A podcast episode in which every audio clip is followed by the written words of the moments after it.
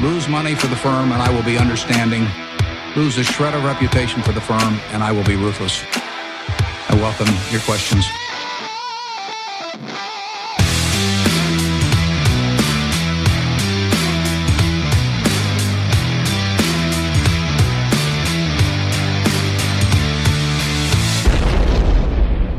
Hej och hjärtligt välkomna till Kvalitetsaktiepodden. Det är jag som är Ola. Jag som är Marcus. Ja, och det är jag som är Klas. Det här är avsnitt 160. Mm. Släpps natten till torsdagen 1 februari.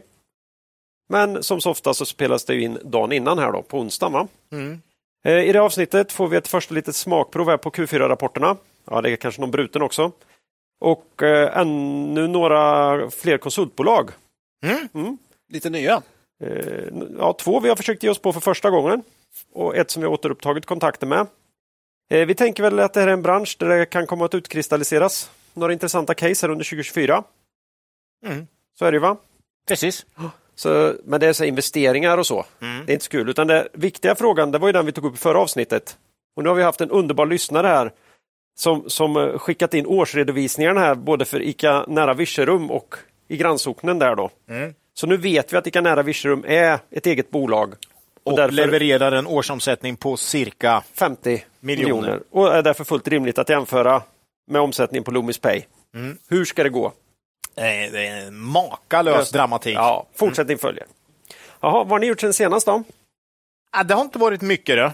Inte mycket? Nej. Eh, kan väl lyfta fram en dokumentär jag såg på Netflix här då. Mm.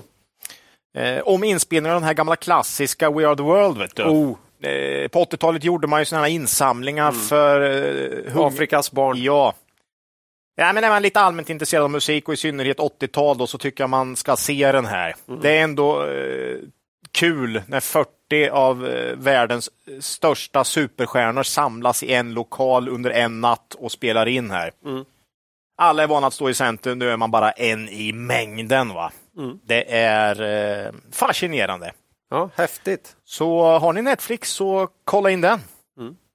Det tror jag de flesta har. Mm. Är inte det standard idag? Ja, kan vara, kan vara. Känns lite så. Mm. Alla kör samma konto vet du. Ja, ja just det. Ja, det är det de har kommit åt nu. Jag hörde att eh, antalet eh, tittare, vad ska man säga, prenumeranter hade gått upp kraftigt här nu. Mm. Det, men huvudanledningen var nog det här att de faktiskt började ge sig efter det är lite som den här gamla, gamla tv-pejlingen. Ja, vet ni? När, folk, när, när, när folk eh, skulle betala tv-avgift. Skulle betala TV det kom, det kan, våra lyssnare är förmodligen mycket yngre än så, va? så de har ju ingen aning alls om att förr i tiden så... Tror du verkligen det? jag, jag, tror, alla känner till tv Jag tror alla känner till Ja, ja. ja Snigel ja, på ögat. Ja. Nu tror jag alla att vi har synkat den, det hade vi inte, för jag tycker inte heller det har hänt så mycket. Så jag tog också en tv Det har inte hänt så mycket faktiskt. Nej. Men, mm. Okay. Nej, men det, jag tänkte pitcha dokumentären om serien om Zlatan. Mm. Har ju börjat här. Ja. Eh, riktigt kul att se. Helt eh, unik karriär. Han har ju spelat i massa klubbar som inte hade vunnit så mycket innan han kom och så började han vinna jättemycket när han kom. Vad kan det bero på? Mm. Ja, man kan undra vad det beror på. Nej, men riktig vinnarskalle. Mm. Eh, sen har han ju jäkligt kaxig attityd, men han har ju ett spel som backar upp det så att säga. Ja, eh, ja precis. Han var inte en i mängden. Nej. Eller är. Man har ju alltid lite svårt för de här idrottsmännen som inte har no något riktigt facit. Eller någon, någon riktig ja, historik, i, i, alltså, innan, som, som, liksom. som, inte har någon, me, någon medaljskörd att skryta om, men som är så fruktansvärt kaxiga. Mm. Men, men Zlatan har ju på något sätt, han, han, kan ju liksom backa upp det där. Ja. Hon har ju Zlatan, så ja, sa ni om, ja. ja. du vet, allt det här, det är liksom, ja. det, det är fantastiskt. Har ni sett den här sketchen förresten när, när eh, när det är hur många, oh, hur många mål i Serie A man har gjort. De drar streck hemma på, på, på han och hans fru. Så här, plockat ur diskmaskinen är det så här ett streck. Då står det liksom hennes namn och sen hur, mål i Serie A, så är det massa på snabbt. Inga på henne. Jag kommer inte ihåg vilket ja, humorprogram ja, det är, men den är oerhört ja. bra. Kan man tänka sig att Zlatan har lagt till den? ja, fy fan. Ja, förlåt Mark. Ja, nej, men, eh, riktigt sevärt, så mm. kolla på den. Mm. Ja. Ja, eh, bra tips. Eh, själv då så har jag fyllt år. Ja, mm. det är ju stort. Mm. Och eh, i samband med den här annalkande högtidsdagen då så lackade jag ur och packade ner eller skänkte bort 80 procent av mina garderobskrympta skjortor. Mm. Som jag hade. Och sen steg jag iväg till Volt. Och eh, de hade ju rea där också. Det var ju mm. trevligt. Köpte fem nya skjortor av mer eh, passande storlek på ett bräde. Då. Mm. Och Det här gav ju min fru och barnen möjligheten att ge mig en fantastisk födelsedagspresent. Det här tycker alla ska ha i form av en steamer. Mm. Det är för jäkla kul. Vilken grej! Den som har flest prylar när man dör vinner. Mm. Så att ingen missar det. Vet du vad jag fick i, i födelsedagspresent? Eh, no, eh, eh, kärlek, to någonting fint. En, en mattork, en svamptork. Ja, men du ser, du ser. Då, då, så behovstrappan är så söndertrasad och eller den, ja. man, man är på något sätt, vad, vad ska man göra? Vad, ja. Man är så långt upp på den där så... Jag fick en jättefin flaska whisky, det var bra. Det är ju alltid bra. Konsumtionsprodukter bra. gillar jag, som man ändå alltid... Mm. Nej, mina, mina barn börjar bli ganska stora nu, men de är mm. rätt trötta så nu får, vad vill du ha i födelsedagspresent? Du får inte säga snälla barn. ja, det... det kommer igen kommer en mening nu. Ja, liksom. ja. Och det är fortfarande det jag önskar mig. Mm. om de lyssnar på det här kan de få reda på det. Mm. Eh, men så här är det ju. Mm. Några andra då som till skillnad från mig troligen föddes med de välstrukna skjortorna redan på kroppen. Vet ni vilka det är? det är svårt alltså. Men jag, jag dammar till. Ja, chansar du Ola? Med Peter och Håkan här på Cavalier då? Ja, du satte den igen. Nej. För idag har vi som vanligt med oss vår huvudsponsor Cavalier AB. Då. Och eh, ja, vi är i början av rapportperioden. Och vad passar då bättre än ett samtal med Peter på Cavalier om eh, några av deras aktuella innehav? Hej Peter! Alltid lika kul att ha med dig i podden. Jättekul att vara med igen. Eh, idag vill vi gärna höra eh, din syn på två bolag eh, som ni tidigt visat intresse för och tagit in i er framgångsrika fond Cavalier Quality Focus. Och som vi då faktiskt har tittat närmare på från vårat håll också och ägt i omgångar. Och båda de här bolagen kommer vi också titta närmare på i dagens podd. Vi tänkte börja med smyckesbolaget Pandora som ni ägt länge och hållit fast vid även när ja, marknaden i övrigt har vacklat. Mm. Eh, de kom med en vinstuppjustering i början av januari och bokslutskommunikén släpps om en vecka. Mm. Hur ser ni på det här bolaget nu och framåt? Vi fortsätter att gilla Pandora. De fick en ny vd här för några år sedan, Alexander Lassik, som har gjort mm. ett eh, fantastiskt jobb med, med bolaget. Då.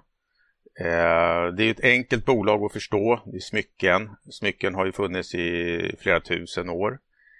Eh, det är ett av världens mest kända konsumentvarumärken även efter den här uppgången, jag tror aktien gick upp 85 procent förra året, så tycker vi det är en fortsatt eh, attraktiv eh, värdering. De har ju väldigt starka kassaflöden som man delar ut till eh, aktieägarna både via utdelning och eh, aktieåterköp. Och det tycker väldigt mycket om bolag som eh, gör eh, aktieåterköp vid bra tillfällen.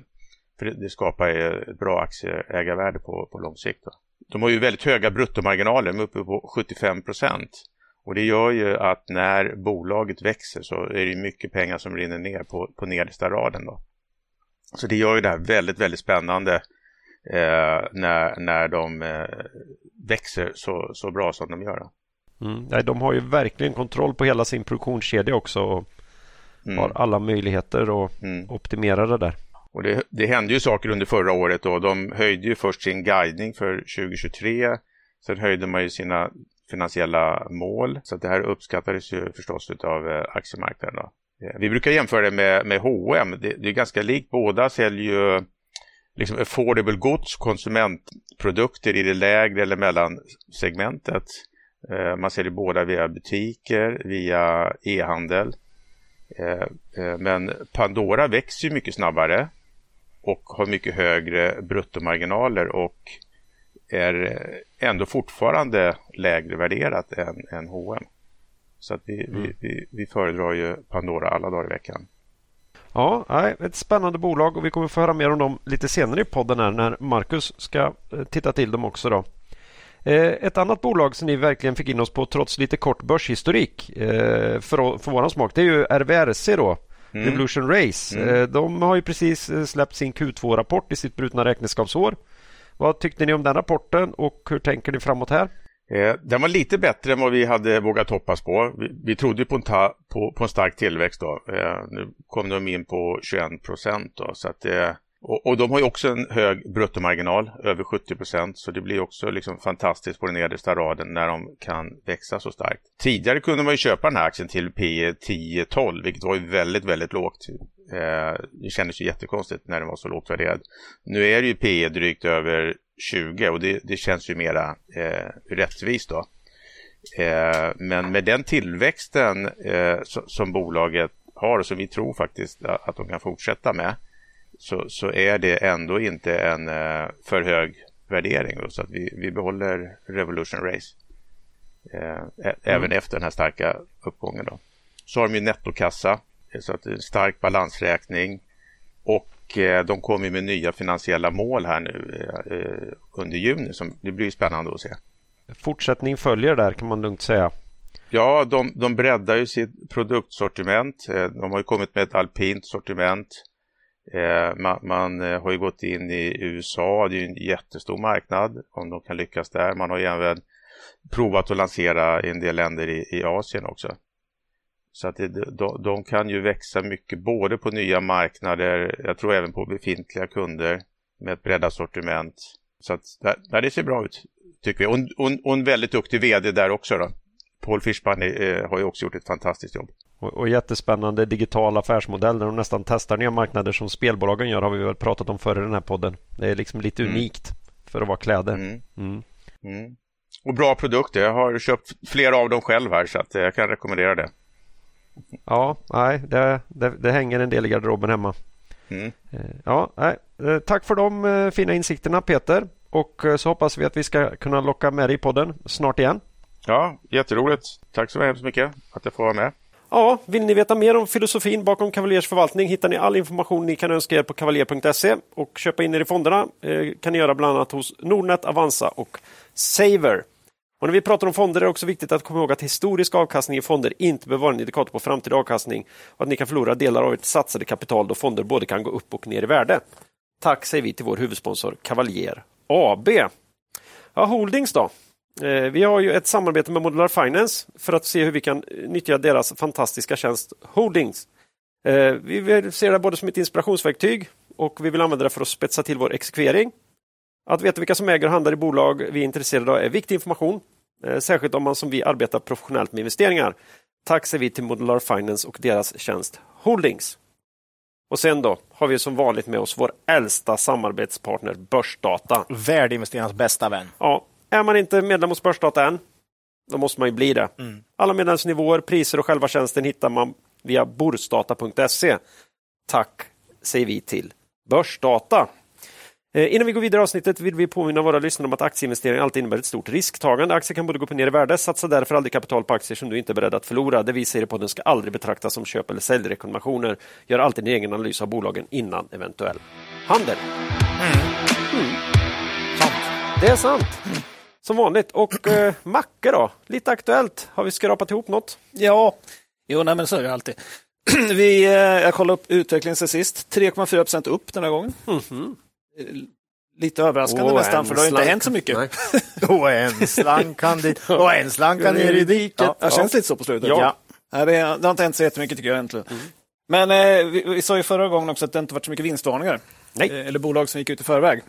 Det blev lite ändring på det här sen då. Mm. Men inte den anledning som man kanske trodde. Utan det var ju det här eh, TT Evry som råkade ut för en hackerattack. Mm.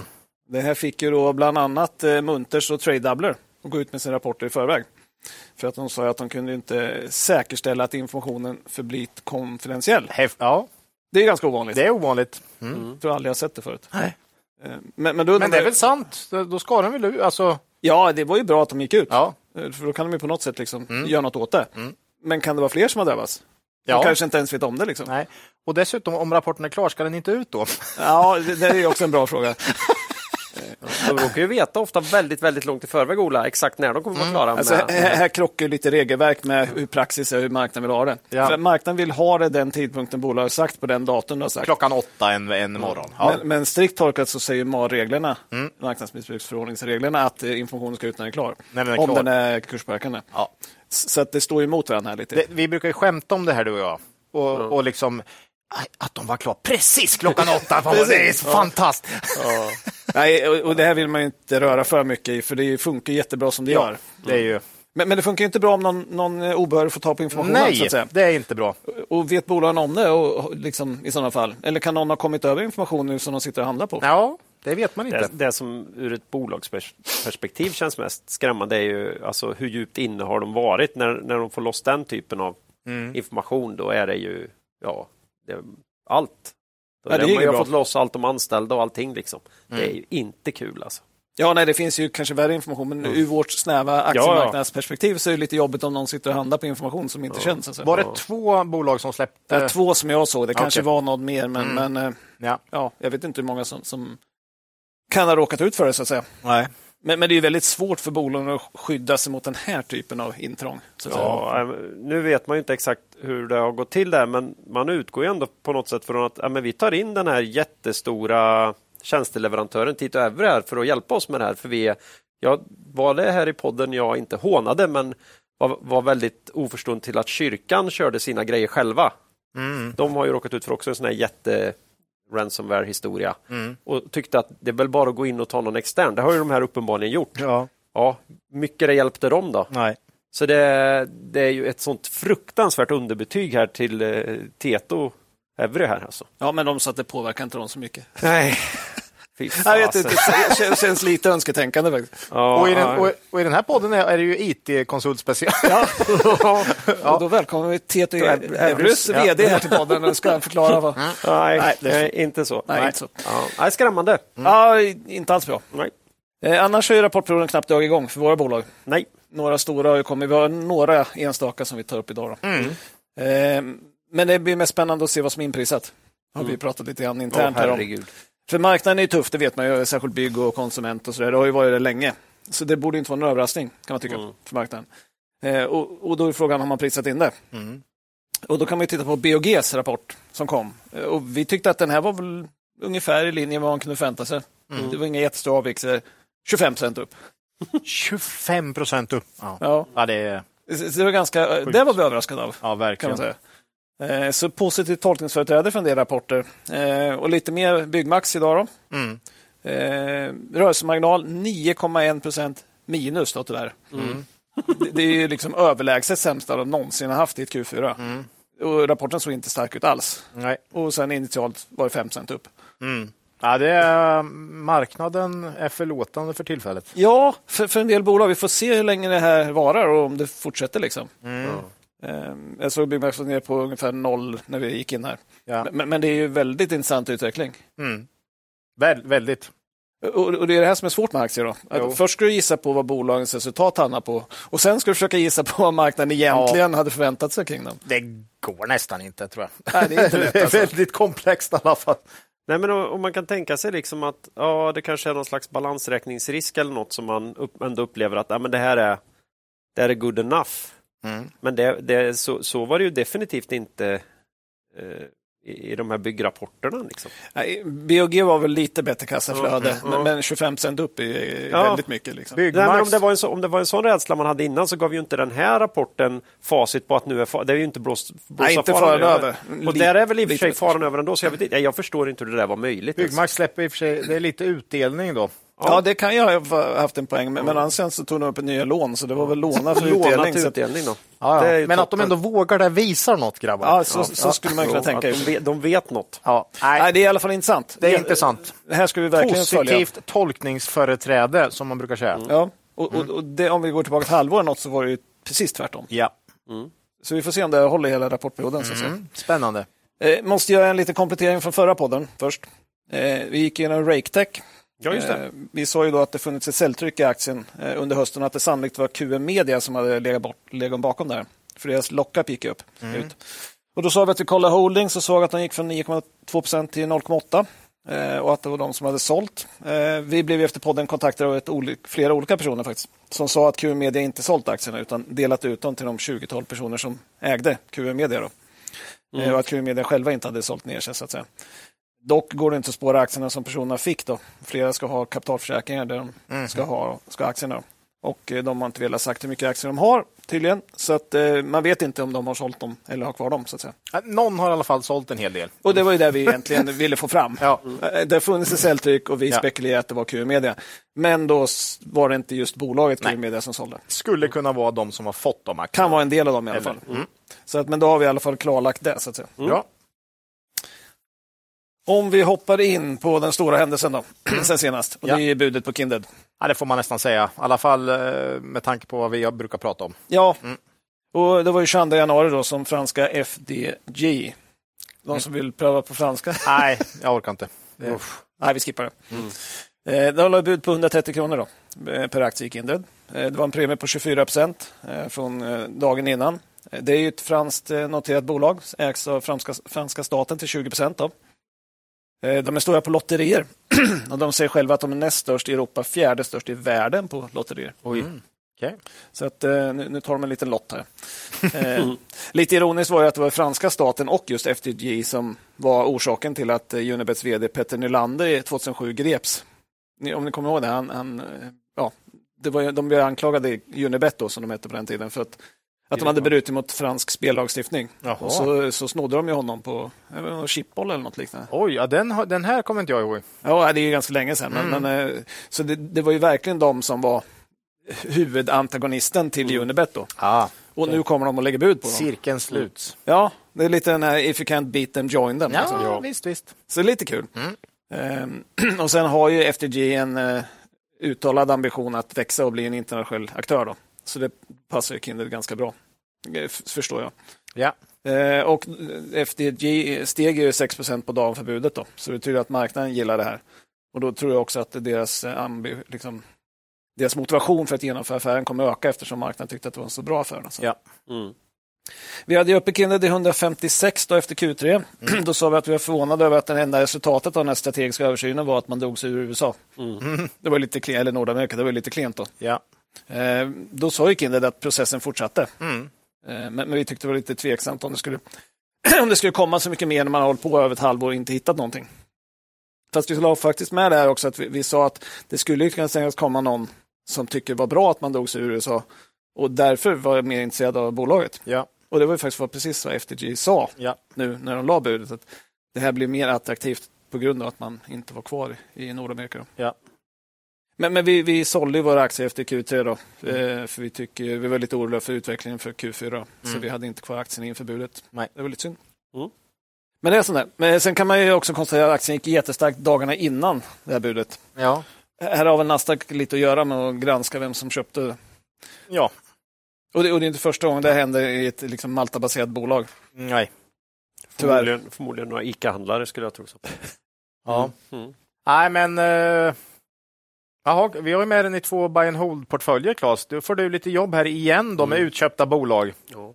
Tack, tack för att du tar upp det, Ska Ola. du sen sprida det till övriga, har vi sagt va? Ja, mm. då sprids det ut vet du, mm. på dagen. Men eftersom det här inte går igenom än på... det är på knappt, ett halvår. Ja, det är knappt det hinner innan, eh, innan 18 år. Det, innan det är dags. ja, det är faktiskt intressant, för, mm. för det är en stor poäng i det här. Ja. Alltså, handeln öppnar ju på runt 122 trots att budet var på 130. Det är väldigt stor eh, liksom, Skillnad, rabatt. Ja. Mm. Eh, och, och, Det var trots att budgivarna hade säkrat 28 procent av aktierna mm. och, och fått styrelsens godkännande, så det såg ju ganska klart ut. Här kan man initialt tänka sig att det var det här att största ägaren Capital Group med 12 procent av aktierna inte var med i den här gruppen som hade accepterat. Mm. Att folk tänkte att då är de emot det, de kan blockera, de är över 10 procent. Ja. Ehm, men de flaggade den 24 januari för att de har sålt 8 miljoner aktier och hade 8,6 procent. Mm. Och då kan de inte stoppa budet själv. 29 januari flaggar de igen för 4,8. Och håller de den här takten så är de snart ur helt. Ja. Och, och, vi noterade att det var rätt mycket aktier som gick runt 122. Liksom. Ja, ja. Så, så, att de verkar ha sålt en hel del i marknaden också. Mm. Det blir lite intressant att se om det är någon som flaggar upp för att man faktiskt har köpt. Då. Mm. Sen det som gör det mest troligt att, att den handlas på 122 är det här som Claes var lite inne på. Det är en jättelång acceptperiod. Mm. Eh, från 20 februari till 19 november. Det är bland det längsta jag sett. Mm. Och Det ska vara för att FTJ eh, behöver alla nödvändiga myndighetstillstånd. Då. Mm lite franska spelmyndigheter och sånt. Eh, men det är en väldigt lång acceptperiod och eh, många kanske inte vill vänta på, på pengarna så att säga. Nej. Nu när det finns räntor någon annanstans. Så att säga. Eh, för en aktör som oss då, vi har ju stor kassa som vi pratade om i förra podden, så köpte vi faktiskt in 2,5 procent av mm. portföljen i Kindred. Mm. Lite som, ja, i princip likviditetsplacering. Mm. Ja. 6,5 procent fram till november. Ja, ganska okej okay. Mm. alternativ till, till kassa. Så att säga. Ja. Och vi tror att det här kommer gå igenom. Ja. Ehm. Det kan ju gå fortare också. Och det kan gå fortare. Mm, ja. Ja, precis som du sa, de, de, de sa också i buddokumenten att för det fall att de får myndighetsgodkännande tidigare så kommer de korta av mm. acceptperioden. Ja. Så det är inte säkert man behöver vänta till, till november. Så att säga. Sen visst, högre bud är inte omöjligt men kanske inte sannolikt om man har på ett halvår. Liksom. Nej. Um, men, men, det kan ju komma.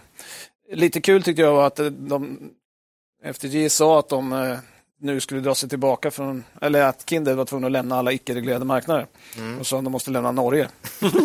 det är lite kul för Kindred att säga att de är ju inte i Norge. så det är väl redan klart. Då. Det är jättesvårt att lämna Norge då. Ja. Eh, ja, nej, men sagt, den är med i and Hold 4-5. Ja, eh, de lär väl få en liten skjuts där då, direkt. Ja, mm. det är bra för dem. Eh, och lite jobb för klasser där. Lite jobb för klasser. Ska Perfekt. vi sprida ut det där till övriga då? Mm. Det blir spännande. Mm. Ja. Sen eh, Cavalier hade också 1,7 procent i Cavalier Quality Focus i Kindred. Mm. Så grattis till dem. Mm. Eh, och så. Men, men, inte grattis till svenska börsen. Då. Nej. Nej. Eftersom nu rök en till. Ja, nu är det bara nu är det bara Bettan kvar. Nu är bara Bettan kvar och de stora operatörerna. och, och, det är ju liksom, vi har pratat om det tidigare, så är värderingarna så här låga så, så är det det här som händer. Mm. Att det blir utköp. Ja. ja, det är inte alls omöjligt att vi kanske inte har någon kvar om ett par år. Nej, precis. iGaming-operatör. Om, om värderingarna fortsätter liksom se ut så här. Nej, det blir ju så. Men det är som det är. Mm. Eh, en kort notis till om iGaming är att jag läste att Svenska Spel ska lägga ner kasinona i eh, Casino Cosmopol i Göteborg och Malmö. En, endast ha kvar kasinot i Stockholm. Mm. Eh, VD sa ju att det var den här trenden mot att fler spelar online istället för fysiskt. Då. Det är det vi har haft uppe ganska eh, många gånger i podden. Och mm. Sverige ligger ganska tidigt i, i, den fasen, så att säga. Det är ganska stor del som går online i, ja. i Sverige. Men, men, det kommer ju fortsätta i många andra länder också. Ja.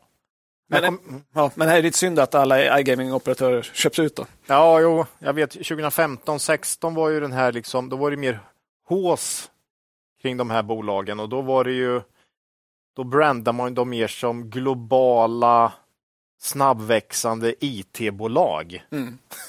Ja, det är de väl också? Ja, det, det är ju, det är ju liksom digitala bolag som växer globalt ja. snabbt. Och då var det P20 etc. Ja, då fick ju fonden äga dem. Ja, eh, nu det är det IT-bolag. Nu är det P8 och man säger inte snabbväxande digitala bolag utan man säger eh, spelbolag. Så att eh, ja, det mm. har hänt lite på sju, ja, sju år. Verkligen så. Mm. Eh, nej, men det var lite intressant också att, att de hänförde till det tyckte jag, Svenska Spel. Mm. Eh, men sen såg jag också det var folk som sa att nah, det kanske inte bara är där. Nej. För, för Svenska Spel fick så sent som i december 23, det är ju inte alls länge sedan, en eh, sanktionsavgift på 2 miljoner och en varning då för brister i arbetet mot penningtvätt på Casino Cosmopol. Mm. Det tror jag är en ganska rimlig förklaring. Eh, jag har ju varit på kasinot eh, för ett antal år sedan och spelat poker mm. på de mindre borden. Mm. På de stora borden där de stora satt, det var det många personer som såg lite ruffa ut. Mm. Och så hade de så jättestora cd-buntar som de tog ut ur fickorna mm. och spelade med. Det, det är sådana som jag tror är ganska ovanligt att vanliga lönearbetare sitter med mm. liksom, på det sättet. Eh, så de spelar ju där på, på stora borden och så spelar jag på små borden och så kände jag att man kan inte gå till de stora borden för det är inte säkert att jag kommer hem pengarna även om jag vinner. Liksom. Så att jag, jag, tror att det fanns en del att göra på just den här frågan. Okay. Ja. Eh, så att, eh, men, men, men, men, samtidigt är också så skärper man penningreglerna för mycket. Mm. Nu stänger man två kasinon, ja, då kanske Stockholm ligger kast till. Mm. Kommer folk helt sluta? Ja. ja. Eller går de till någon svart kasino? Förmodligen. Och det blir ju så det alltid är. Om man skärper gränsen för mycket på, på det som ja. ändå är reglerat så, så kan det bli bara svarta vi, har, vi pratade om det lite i förra podden när vi pratade spel och det här med att vissa saker tar sina vägar på något sätt. Kommer ihåg förbudstiden i USA med, med sprit och så, eh, när man sålde det som, eh, det gick ju som läkemedel och så istället ja. och skrevs ut på recept och, alltså, och, och smuggling. Ja. Oerhört mycket smuggling, alltså det blir ju så det är, det är, alltid svårt. Vad är alternativet på något sätt? Nej, det är inte säkert att alla som, som har spelat på kasinot i Göteborg och Malmö nu ja, säger att ja, då blev det inget. Nej. ja, vad synd. Nej. Utan de kanske hittar något annat eh, sämre alternativ. Ja. Så, man vet inte, men, så det är svårt. Det. Mycket. Nej, och allt, allting är relativt. Jag hörde någonstans hur mycket sprit man fick ut på motboken. Kommer du ihåg att det fanns något som hette motbok ja, ja, ja, för att ner på superiet? Ja, ja. Och nu tappade jag det, men jag tror det var tre liter. Ja, man fick ut, det var en vuxen man då. Mm, mm, tre, mm. tre liter starksprit då. Och eh, i månaden. I månaden? Ja. Det kan ha varit kvartalet. Ja, jag tror det var månaden. Och sen var öl, öl och vin var ju fritt naturligtvis. Ja. så, så, det var inte så jäkla snålt. Fatta, med... fatta vad svårt alltså. Pappa staten kommer och, och, och, och begränsa, begränsa på det här sättet. På det, sättet. Ja, det, alltså, det var lite andra tider kan man ja. tänka. Ja. Mm. Det kanske var i kvartalet, men ändå. Mm. Rejält nu. Mm. Ja, nej, men eh, på tal om statliga regler då. Mm. På slutet har det skrivits en del kring EUs nya regler om Digital Markets Act. Mm. Träder i kraft här i mars 2024. Det, är inte vårt expert, expertområde, eh, men det ska ju möjliggöra för konkurrens på Apple och Googles plattformar. Just det. App-plattformar. Ehm, och som jag förstod det skulle vem som helst nu kunna öppna appbutik eh, och konkurrera med Apple och Google. Då. Jag har inte riktigt förstått hur det ska fungera i praktiken. Det låter svårt. Eh, men man vill ju liksom konkurrensutsätta de här. Då. Eh, Apple var ute och varnade för att det blir ett mer sårbart system om man har en butik som de inte kontrollerar. Mm. Det får man väl ge dem lite ja, creds ja. för att det kan bli så. Mm. Men det ligger i deras, deras intresse, såklart. intresse att säga så. Mm.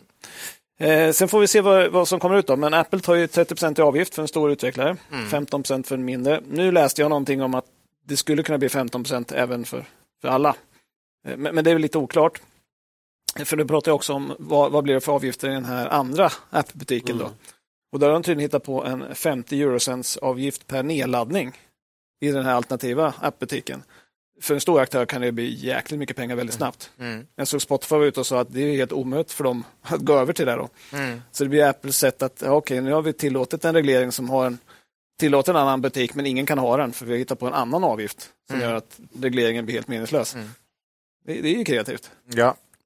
Så att, äh, vi, vi, får se vad det kommer ut av det. Vi har ju pratat om det här tidigare med G5. Då, att man, att man, spelutvecklarna, ja. Äh, spelutvecklarna mm. och vi, vi, är mest intresserade av G5. Att ja. man har en stor uppsida av om de här eh, avgifterna faktiskt går ner. Så att ja, ja. ja, det skulle påverka mycket såklart. Här, här, tror jag nog ändå EU kommer bita ifrån rätt hårt. Alltså, eh, det här tror jag varken polackerna eller ungrarna eh, värnar Apple så där himla mycket.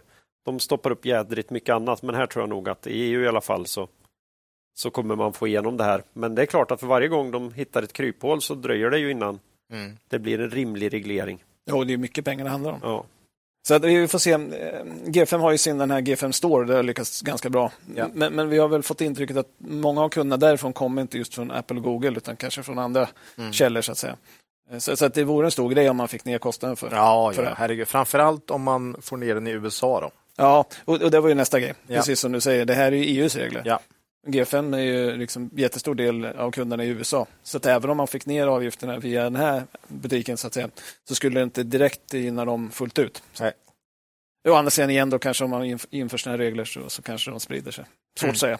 Ja. Men, men, men, i alla fall. Vi, vi, en intressant eh, iakttagelse är det ju. Ja, vi får se. Det, det vore spännande och utvecklingen går ju mot lägre avgifter ja. någon gång. Mm. Frågan är när den gången är. Liksom. Ja. Och så. Så det var det. Jag stannar där med Aktuellt för det är så mycket bolag idag så det ja. blir för långt annars. Mm. Och vi har ju lite konsultspecial här. Ja, det har vi verkligen. Mm. idag har vi ju tre intressanta konsultbolag då, från tre nordiska länder. Mm. Kan man gissa att ett av dem inte är Danmark? Det kan man. Mm, mm. kan man. Eh, först ut då har vi ju Sveriges bidrag i form av B3. Det, var det inte B1 och B2 bara? Eh, när jag var li, när ja, de här bananerna. bananerna. Mm. Det här är uppenbarligen en tredje banan. Då. Mm. Eh, det här tror, det här, tror jag främst är en IT-konsult. Eller hur ligger det till? Ja, lite management också. Lite Så. management. Ja. Vart kommer namnet ifrån? Har B? Nej, det vet jag ja, Jo, det heter B3 IT. B3. Bättre. Oh, är du med? Oj, det är så, lite, lite så här fyndigt. Så. Ah, nu är jag med. Mm, mm. Den, den, var, men sen så blev det inte alls förståeligt Better. när man bara bytte till B3. Nej, det, bättre. Ja, precis. Okay. Ja. Ja, ja. Jag tror det är därifrån. Det borde vara därifrån i alla fall. Ja, men det ska vi uppmuntra. En, ord, en, en, en ordvits. Är ju... Även om den är skitdålig så är det en ordvits det är, det är, mm. det är bra för Claes. Ja, det var, nu blir jag glad. Mm. Mm. Ja, nej, men de eh, introducerades på First North faktiskt 13 juni 2016 för 50 kronor. Mm. Flyttade till Nasdaq inom ett halvår eh, i, slutet på december, eh, i mitten på december. Eh, gick starkt i början, var uppe på 100 kronor 2017, så det var bra start där. Eh, men sen var det en lång utförslöpa, 72 procent ner. Aha. Ner, ner, till botten på 28 kronor i, vid pandemin. Då. Mm. Och sen rakt upp igen. Nej, men det, det, är sjukt, vad, vi har pratat om det många gånger, ja. hur, hur, mycket aktier svänger egentligen. Mm. Så, så här, 72 procent ner eh, till 28 kronor och sen upp till 205 kronor från 28. Det, det är en fruktansvärt kraftig uppgång. Mm. Och nu ner 56 procent igen från all time Shit alltså. alltså. Bolag svänger ju enormt mycket på börsen och det är ju Mr Market. Liksom. Aktierna svänger mycket mer ofta än själva verksamheten ska man säga. Mm. Eh, men här har väl också kanske verksamheten svängt ja, och det, bru ju... det, brukar ändå finnas någon koppling.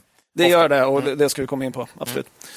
Mm. Eh, när aktien gick starkt eh, på, på, på börsen 2022 fick vi väldigt mycket mejl om B3. Ja. Ni måste gå igenom B3. Alla var väldigt positiva. Det, ja. det ser fantastiskt bra ut. Det gjorde i och för sig det också. När aktien har kraschat på börsen nu 23 har vi inte fått Ja, vi fick ett mejl häromdagen faktiskt, men mm. innan dess har vi inte fått några mejl alls. Det brukar vara så faktiskt. Ja. Uh, mm. jag, jag tänkte, man kan nästan göra vår mejlkorg till, till podden som en kontraindikator. Ja, fa fast eh, ibland får vi ju de här Börjar inte det här Chevelle alltså de ja. som har gått, så att så vi får även den typen, ska jag säga. Mm. Det, det, får vi. Men, visst. Att, men, men, det var väldigt tydligt just på den här aktien. Ja. Framför allt de här där aktierna har gått ner men verksamheten inte riktigt har visat tydliga tecken. Där ibland får man ju. Ja, precis. Men, men och då ibland så känner vi, är, är, det, är marginalerna hållbara till exempel? Eller så. Och, och, här var det ju tvärtom, marginalerna var superhöga. Ja. Frågan var de hållbara? Så ja, precis. Och vi kommer komma in på det. Men, men, men det är lite Buffetts gamla sanning där, you can't buy what's popular, do well. Nej. Lite så. så att, men, men, nu är det inte populärt, så är det intressanta nu då? Mm. Spännande. Vi, ska se. Eh, vi börjar med lite information. Det är ett IT-konsultbolag ändå. 900 anställda. Eh, stort antal dotterbolag. Kommer återkomma lite till det också. 200 kunder. Ingen kund mer än 5 av omsättningen. Så ingen stor sån enskild kundrisk. 10 eh, största kunder 29% av omsättningen. Då. Mm. Bank och finans, största segment med 20% följt av kommun, myndighet med 15 och industri med 13. Sen delar man in det i tre segment. Då. De är ganska lika i storlek. Det första heter Digital Experience and Solutions. Eh, det är väl ungefär vad det låter som. Det är utveckling av applikationer och digitala kundupplevelser. Det eh, står för 39 procent av omsättningen på rullande 12. Då. Men bland annat den här SFs biosite, ni har varit inne på den, mm, ja då. har man utvecklat. kan se lite trailers. Den som boka lite eh, de tyvärr valde att hosta hos Tieto Evry och därför har legat nere. Då i... men, men det tror jag inte B3 Nej, nej det är det jag menar. B3 har säkert gjort det kanon. Mm. Mm. Ja, jag tror de har hållit på med det länge faktiskt. Ja. De, ja, men den är vettig. Ja, men de var väldigt tidigt ute och man kunde boka på mobilen och sånt. Mm. Ja. Så, så den har, har man fixat där. Eh, 2023 då, minus 4 procent i omsättning och rörelsemarginal 7,6. Sen har man något som heter digital management. 30 procent av omsättningen. Det är verksamhetsutveckling, besluts, beslutsstöd och agil transformation. Mm. Ja, det är liksom management-hållet. Då. Ja. Och här kommer ju då att de hette ju B3 IT Management AB förut. Och Sen bytte man till B3 Consulting, så här ligger väl de här gamla managementdelarna. Så att säga. Ja. Högst marginal där eller? Nej, faktiskt inte. 7,6 också i år. Okay. 5 upp i omsättning. Bäst marginal kommer här i sista området. Mm -hmm. Cloud and Technology Platforms. Ah, snyggt. Det låter ju bättre. Ja. Det är tjänster kring effektiv och säker infrastruktur. Den marknaden drivs av att man flyttar lösningar till molnet. Då. Mm. Och IT-säkerhetsfrågor är en stor fråga. Lite pro-act då? Kanske pro ja, lite. Och, mm. och, och, det blir inte mm. mindre aktuellt efter Teter Euros IT-intrång. Så att säga. 31 eh, procent av omsättningen, 9 eh, procent upp på året och marginal 9,9 procent. Mm. Så klart bäst marginal. Ja. Och då var ändå ner från 13,4 procent förra året. Det här känns som deras mest intressanta område på sikt, tycker jag. Då. Så vi får se. Tittar vi på lång historik då. Omsättning på 10 år, 11,9 procent upp per år. Det är jättebra. Mm. Lite mindre, på fem år är 6,3 procent mm. per år och per aktie per aktie ska, ska man ta med för det har skett en del emitteringar av nya aktier. Mm. Kommer återkomma till det. Ja.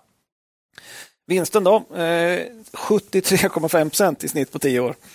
Man har ju förbättrat marginalerna väldigt kraftigt. Mm. De var lite låga för tio år sedan. Eh, på fem år är det 24,2 procent, men det är väldigt bra. Eh, särskilt lönsamhetsutvecklingen 21-22 eh, var enormt stark. Man, man hade alltså 4,2 procent 2020, 7,7 procent 21, 12 procent 22. Oh, herregud. Det är en ändring det. Vad sa man då? Det, det man sa eh, var att man hade högt kapacitet, kapacitetsutnyttjande. Mm. Men man sa ju också att man hade gjort effektiviseringsåtgärder. Man hade liksom... Beläggningsgraden var hög och sen... Eh... Jag tror alla stjärnor stod rätt. Jo. Okay. Man hade säkert lyckats att hitta rätt i sitt erbjudande och sån här. Ja, exakt. Och det strategiska arbetet hade äntligen eh, gett ja, ut, mm. utväxling. Ja, kund, ja, arbetet. Man hade dock också även ett besparingsprogram från Q2 2021. Då. Alltså då när man hade 7 marginal ungefär. Eh, och då skulle man spara 30 miljoner. Eh, och sen ett år senare så rapporterar man, drygt ett år senare, att man hade levererat till 140 procent. Det är mm. bra när man är över 100. Mm. Man har sparat ännu mer. Då. Så, så här fick man också en boost på marginalen. Det är lite kul att man ändå de har ändå höjt marginalen då, då från vad sa du, 4 till 7. Ja. Och sen inför man ett bespar... Det, liksom, ja, det är ju lite... Det är inte så vanligt. Det brukar ofta vara på väg ner då, marginalen, när man... Verkligen så. Ja. Och det brukar vi säga också, just de här besparingsprogrammen kommer ju sällan när det går bra. Nej, men här gjorde du det. Ja, här, här var det faktiskt ja. när man var på väg upp så att säga. De är lite B3 än alla andra. mm. ja. Men då får man ju en jäkla effekt också när man eh, har ett besparingsprogram som löper och får den här effekten av väldigt god eh, kapacitetsutnyttjande. Ja. Så, och det var det vi såg då. Mm. Eh, sen 2023 eh, då har det gått lite sämre. Det började med Q1-rapporten. Då sa vd att vi ser en mer normaliserad marknad där säljcyklerna har blivit längre och konkurrensen om uppdragen har ökat. Det gillar inte marknaden. Mm, nej. Man hör sånt. Nej. 22 procent ner på den rapporten. Ja, det, det, var, det var då det. det, var då, det. då, då, var det inte, då, var, då var det hiskligt ner ja, men, på många och, rapporter. Och Det är lite intressant för att ja, men, omsättningen var plus 12 då mm. i, i det här kvartalet och ja. vinsten plus 5 procent. Mm. Kurs minus 22 eh, till 155 kronor. Det, det är liksom det här med att marknaden är framåtblickande. Ja.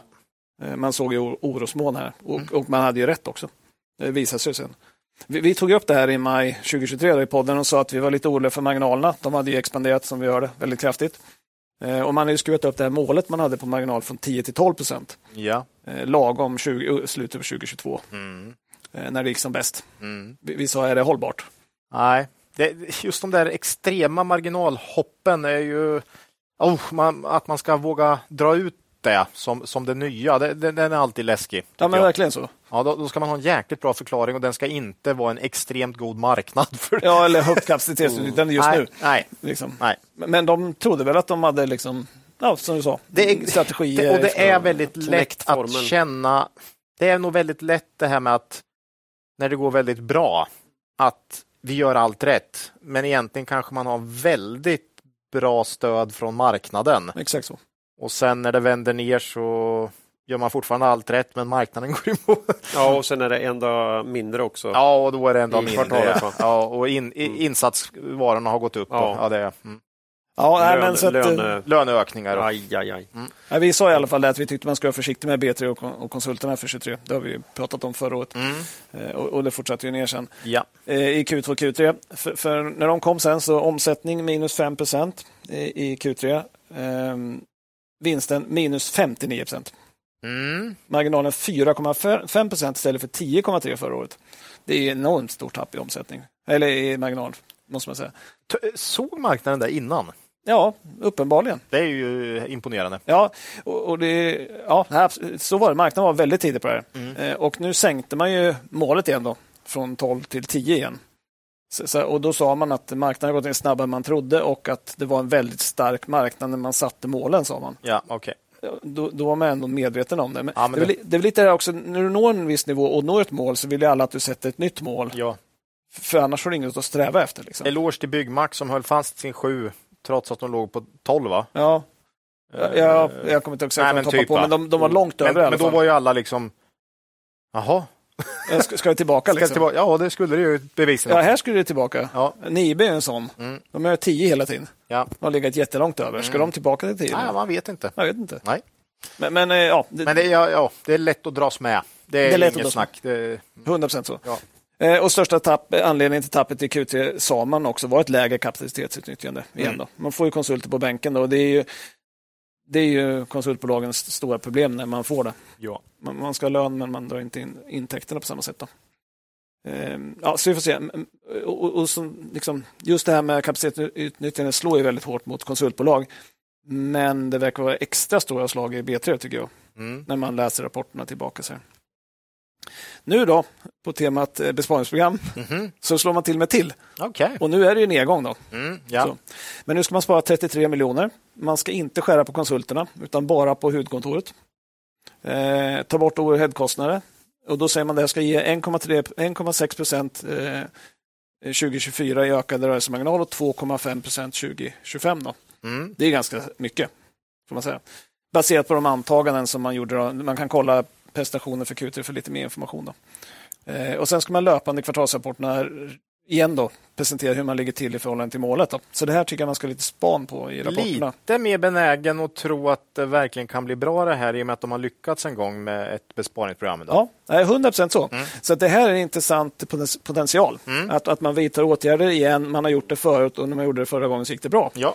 Så, så det här skulle kunna verkligen eh, få, få effekt. Bra uppföljning där också. För många tycker jag inför ett besparingsprogram tar engångskostnader och sen följer man liksom inte riktigt upp. Nej, 100 procent så vad som har hänt. Eh, man kanske ser att marginalen är oförändrad eller gått upp eller så får man ja, fast det tog ut med andra kost eller något. 100 procent så. så, så det, det, är väldigt bra uppföljning på det här. Ja, och vi hoppas de följer upp lika bra som förra gången. Eh, hoppas vi. Mm. Sen är det lite struligt på ledningsfronten tycker jag. Eh, I april 2022 tog Annette Billing över som vd eh, efter BTs... Med... Hette hon Billing? Billing, det är perfekt när man är konsultbolag. Nej, alltså, det är lite som hon... Namn, namn som där man eh, jobbar med. Alltså, Annika, fan, Annika Winst, va? Ja, och, och, och, och Rånman. Rånman. Ja, och, och Frost, Lisa Frost. Nej, men ni kan Lisa Frost. Nej, men det bästa är ju ändå informationsansvarig på Ericsson, Sonny Eriksson. Det, är, ja, men det är ju fantastiskt. Välkommen säger jag. Ja, välkommen. Att, där har de hittat rätt kan jag säga. Ja, Trilling, ja den är klockren. Ja, hon, var, hon kom från Cybercom och anses ha djup branschkunskap och lång erfarenhet av IT-konsulting. Av fakturering. Nej, okej. Okay. Ja, och sen i juni 2022, då, eh, strax efteråt, så fick man en ny CFO också. Johanna Eriksson som kom från CFO på Dedicare. Mm. Så att, eh, det är ett bolag vi känner till. Mm. Men de här blir inte så långvariga då. Va? Nej, för i juni 2023 meddelade vd att hon lämnat sin tjänst. En månad senare CFO att hon lämnat sin tjänst. Oj! Hej. Så att det ser ju lite märkligt ut att man tar in personer på så viktiga poster som kort därefter lämnar på egen begäran, som det stod i pressmeddelandet. Mm.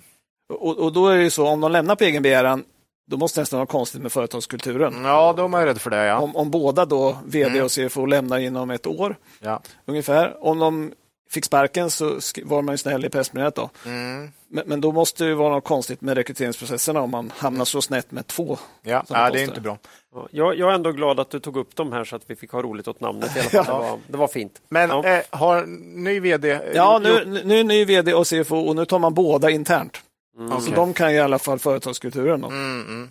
Så att, eh, Men ja. har, man redovisat något kvartal, nya vdn? Eller? Ja, alltså, nya vdn eh, tror jag inte att, eh, om man tittar precis i dagarna, vi okay. har ju en, en TF som jag kommer återkomma till. Okay.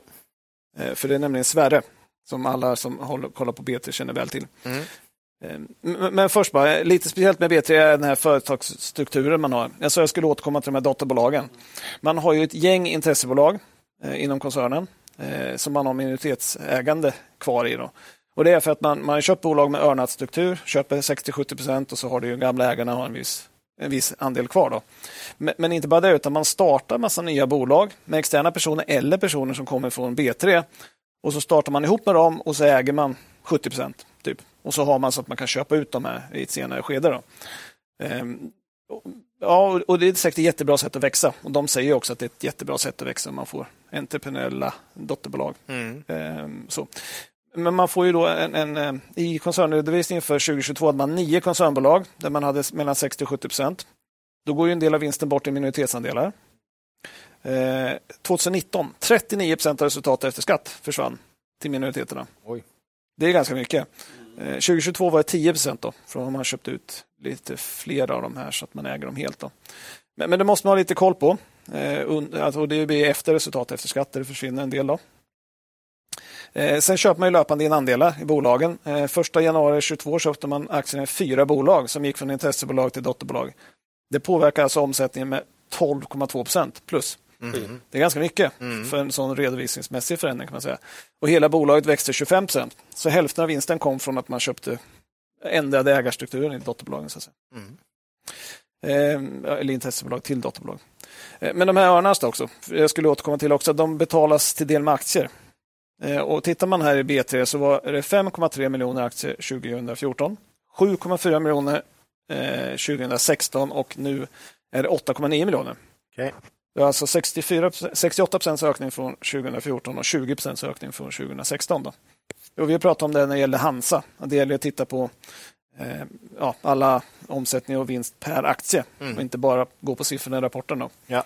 Och som tur är så har ju Börsdata värdeinvesterarens bästa vän, ja. Mm. har ju fixat ju det här. Mm. Så använder man börsdata så får man ju det serverat till sig. Så att säga. Ja. Eh, sen har ju BT på slutet då kanske känt att det här det blir utspädning, så nu har man börjat återköpa aktier istället. Mm. Och sagt att man ska ha de här aktierna för att betala earnouts med. Så att säga. Ja, sen har man ju då krånglat till det ytterligare lite, för man har andelar i intressebolag. Och det är de äger mellan 30 och 50 procent istället. Och Den finansiella påverkan kommer då in under finansnettot som resultat från andelar i intressebolag. Så då är dels att hålla koll på den delen och dels den här minoritetsdelen längre ner. Och Det fanns nio stycken sådana bolag också 2022. Och det, och det är inte oväsentliga summor. Det största bolaget B3 Consulting Poland. Eh, det är så stort så att nu 2023 som man bör redovisa alternativa nyckeltal med B3 Polen fullt konsoliderat. Mm. Den typen av alternativa nyckeltal är ganska ovanliga. Kan jag säga. Ja, verkligen. Eh, ligger väl lite nära till hands att när det börjar gå sämre i Sverige och bra i Polen så känner man att nu måste vi visa hur bra det går i Polen. Mm. Och Tittar man på Q3, 4,5 cents rörelsemarginal så är jag på, eh, på koncernnivå. Men allt, eh, i Polen var det 15,9 procent. Oj. Så slår man ihop dem där så blir det 6,3. Det är ganska stor skillnad. Sen har jag, let, jag letade i rapporterna efter hur mycket man ska betala i earnouts och optioner, bland annat för Polen, då, men jag hittade ingenting. Men, men sen finns det på konfkålet för Q3 där man estimerar att man ska betala 205 miljoner. Det är ingen oväsentlig summa för, för ett bolag med börsvärde på, på 800. Nej, verkligen inte. Eh, och till det hör ju också att om man tittar, man har historiskt haft nettokassa, ex-leasing. Men i senaste rapporten så hade man en nettoskuld på 15,5 miljoner när man har nyttjat checkkrediten där. Så att eh, nu när det har gått lite sämre så har man inte men nej, det, det, är okej, helt okej balansräkning, men det är inte lika starkt som tidigare. Och man ska ändå ut med en del pengar, så det är värt att hålla koll på. Så sen, sen, om vi går in på, på Sverre då. Sverre Bjerkeli. Tittar man i Holdings på insynsägarna, som vi brukar göra. Eh, Sverre tillträdde då den eh, 12 maj som ny styrelseordförande i B3. Han var då vd för Protector Försäkring. Det har vi pratat om tidigare. Mm. Norska bolag, försäkringsbolaget som äger massa ja, kvalitativa svenska bolag. Mm. Ska jag säga. Dyker upp lite här och där. De var största ägare med 23,4 procent av aktierna. Men sen har ju då Sverige istället börjat köpa på sig stora mängder aktier och han är nu uppe i 22 procent av bolaget. Oj, det är imponerande. Jag vet inte han, hur han finansierar det, måste jag säga. Det framgår inte riktigt. Nej, nej. Eh, riktigt så betalar, bra betalar vi inte vd-skapet på, gått för Protector Försäkring? Försikring. Ja, för de har minskat istället av 13,8 så att en del av aktierna ser ut att ha hamnat från, från Protector till, okay. till Sverige. Ja. Men, men, men, det är, det är ju liksom ägare av kött och blod. Då. Mm. mm. Men ska man liksom köpa aktier i B3 så får man nog tro på att Sverige tar bolaget i rätt riktning. Då. Ja. Och han är extremt positiv till bolaget. ser man ja. varenda intervju med honom. Ja. Tittar vi värderingen då. Så eh, B3 en eh, vinst per aktie på rullande 12 på 9,30. Aktiekurs 91 kronor. Bakåtblicken 9,8. Det är ju väldigt mycket lägre än historiskt snitt på 16,2. Mm. Men, och lägre än många andra IT-konsulter. Och lägre än många andra. Men man måste komma ihåg att eh, rullande 12 in, innehåller ju Q4 22 och Q1 23 som har marginal, eh, liksom jättestarka marginaler i de kvartalen. Då, så att säga. Och nu, eh, nu har det varit mycket sämre de sista två kvartalen. Då. Ja, 100 procent. Så marknaden är mycket tuffare. Så den här vinsten känner jag kommer att gå ner ja. eh, närmast. Där, då. Mm. Tittar man på ABG då, som följer bolaget, i en analys som kom strax efter Q3-rapporten så trodde man på en vinst för 2024 på 9,78. P på 8,9. Det tror jag inte på. Nej. Det låter alldeles för offensivt. det är bra, man, man är, det är bara att vara ärlig. Ja, ja nej, men, för det kommer ju vara vinstminskningar Q, Q4 23 och Q1 24. Ja. Eh, och exakt hur mycket är svårt att säga. Mm. Men, men, tror man på ABG så är aktien jättebillig. Mm. Eh, men, men, konkurrensen är ju tuff för konsulterna nu. Vi vill se lite hur det spelar ut så vi avvaktar. Då, så att säga. Mm. Eh, man ska ju med sig också att mellan 2017 och 2019 före pandemin så hade man genomsnittlig rörelsemarginal på 5,5. Ja.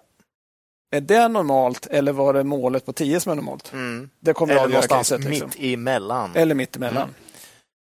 Och det var jag skulle säga om BT först, men sen har jag en liten grej till. då. Mm. Utdelning förresten, har de någon, delar de ut något? Eh, eller kommer inte, inte ihåg med utdelningen nej, faktiskt. Nej. Det kan du kolla medan jag, jag fortsätter. Det är ingenting som har fastnat, så då är den nog inte så mastig direkt. Nej, för jag tänkte göra en liten grej.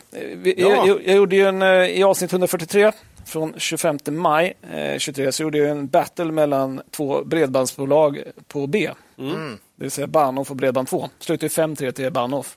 Det var spännande. Det var spännande. Men det var en kategori där med som, som Bredband2 vann som hette potential för kurslyft närmsta året. Eh, Bahnhof handlades då i 42,50, Bredband 2 i 1,23. Nu åtta månader senare så är Bahnhof i 36,50, ner 14 procent. Bredband 2 handlas i 1,70, upp 38 procent. Mm. Så, så förloraren i racet vann i, i just den kategorin så att säga. Ja. Och då kommer en ny battle här då. Oj! Och då är det två konsultbolag på B istället. Mm. Och då är det då B3 såklart, men Bové som vi pratade om i förra podden. Mm. Så nu kommer en liten snabb sån. Eh, börjar med första kategorin omsättningstillväxt. Och det är ganska jämnt faktiskt på tio år med 11,9 för, för B3 och 11,6 för Bové. Men på fem år så har B3 6,3 mot 12,6 för Bové. Så att, och Bové mycket jämnare utveckling, så Bové vinner 1-0. Ja, har inte B3 lite av sina konsol konstiga konsoliderade omsättningar där också? Ja, ja men det, det, är med där. Ja, det är med där. Så, ja. så, men, men, men, visst, det, men det kommer in lite senare sen. Mm. I, men kvaliteten är högre, mm. kan man säga. Eh, rakt av, på, på, på, tycker jag, på, på Bové. Bové. Eh, vinstutveckling marginaler då, så B3 har ökat vinsten snabbare faktiskt på både 10 och 5 år. Men Bové har mycket högre marginaler och mycket stabilare marginaler. Men det blir oavgjort, säger vi. 2-1. Mm. Informationsgivning då. Här har ju B3 förbättrats i år, rapporterar nu eh, effekten av timpriser och beläggningsgrad i, i miljoner kronor. Det är klar förbättring, men Bové hade ju exemplarisk eh, informationsgivning. Om man vill lyssna om det kan man gå tillbaka till förra podden. Då. Så Bové vinner ronden 3-1. Sen tog jag med insynsägande pilotskola. Bové hade ett insynsägande runt 5% men det står sig slätt mot Sverige då, som har köpt 22% 3-2. Och dessutom sitter som TF-VD nu. Ja, precis. Han, han är TF-VD. Det är lite oklart det bara exakt när nya VD tillträder. Jag kommer ja. inte ihåg vilket datum då. Jag ser också att han har köpt på väldigt höga nivåer. Ja, och, och, och, när jag kollar här. Ja. Och den där är bra, för, för, för, precis så har ju alla sagt. Ja, men Sverre har ju köpt. Mm. Ja, men uppenbarligen hade han ju liksom vägledningen man fick av hans köp var ju inte liksom hundraprocentig. Nej, jag hittade någon här, 185 spänn köpte han här. Och, ja.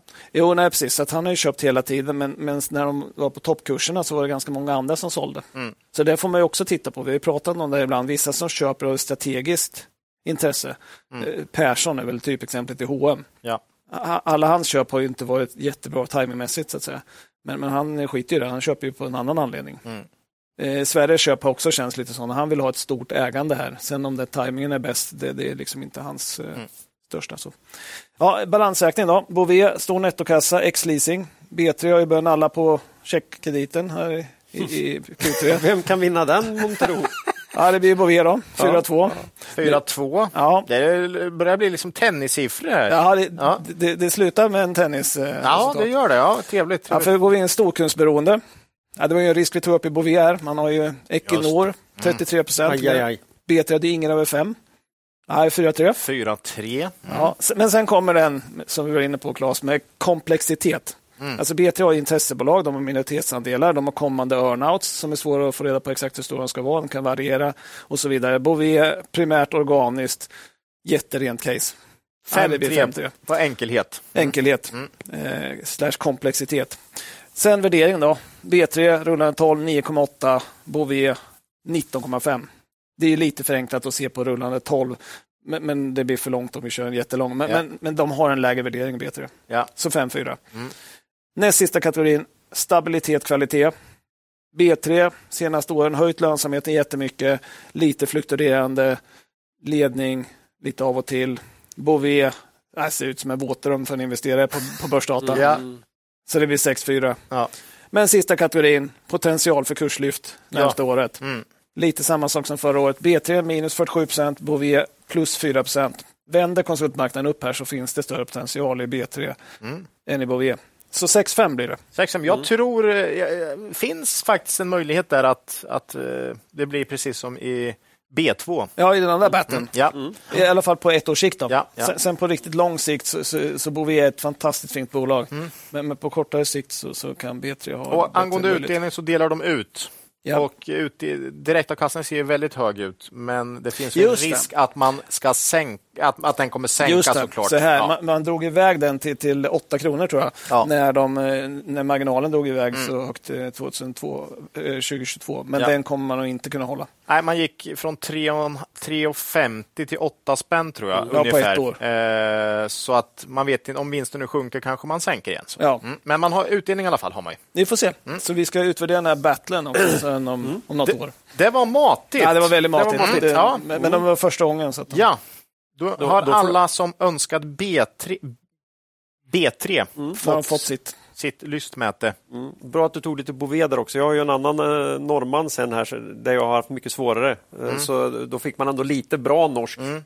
Ja, det här, Bové ser bra norskt ut, men just kursutveckling ja. är inte lika säkert. Nej. Eh, Nordnet då?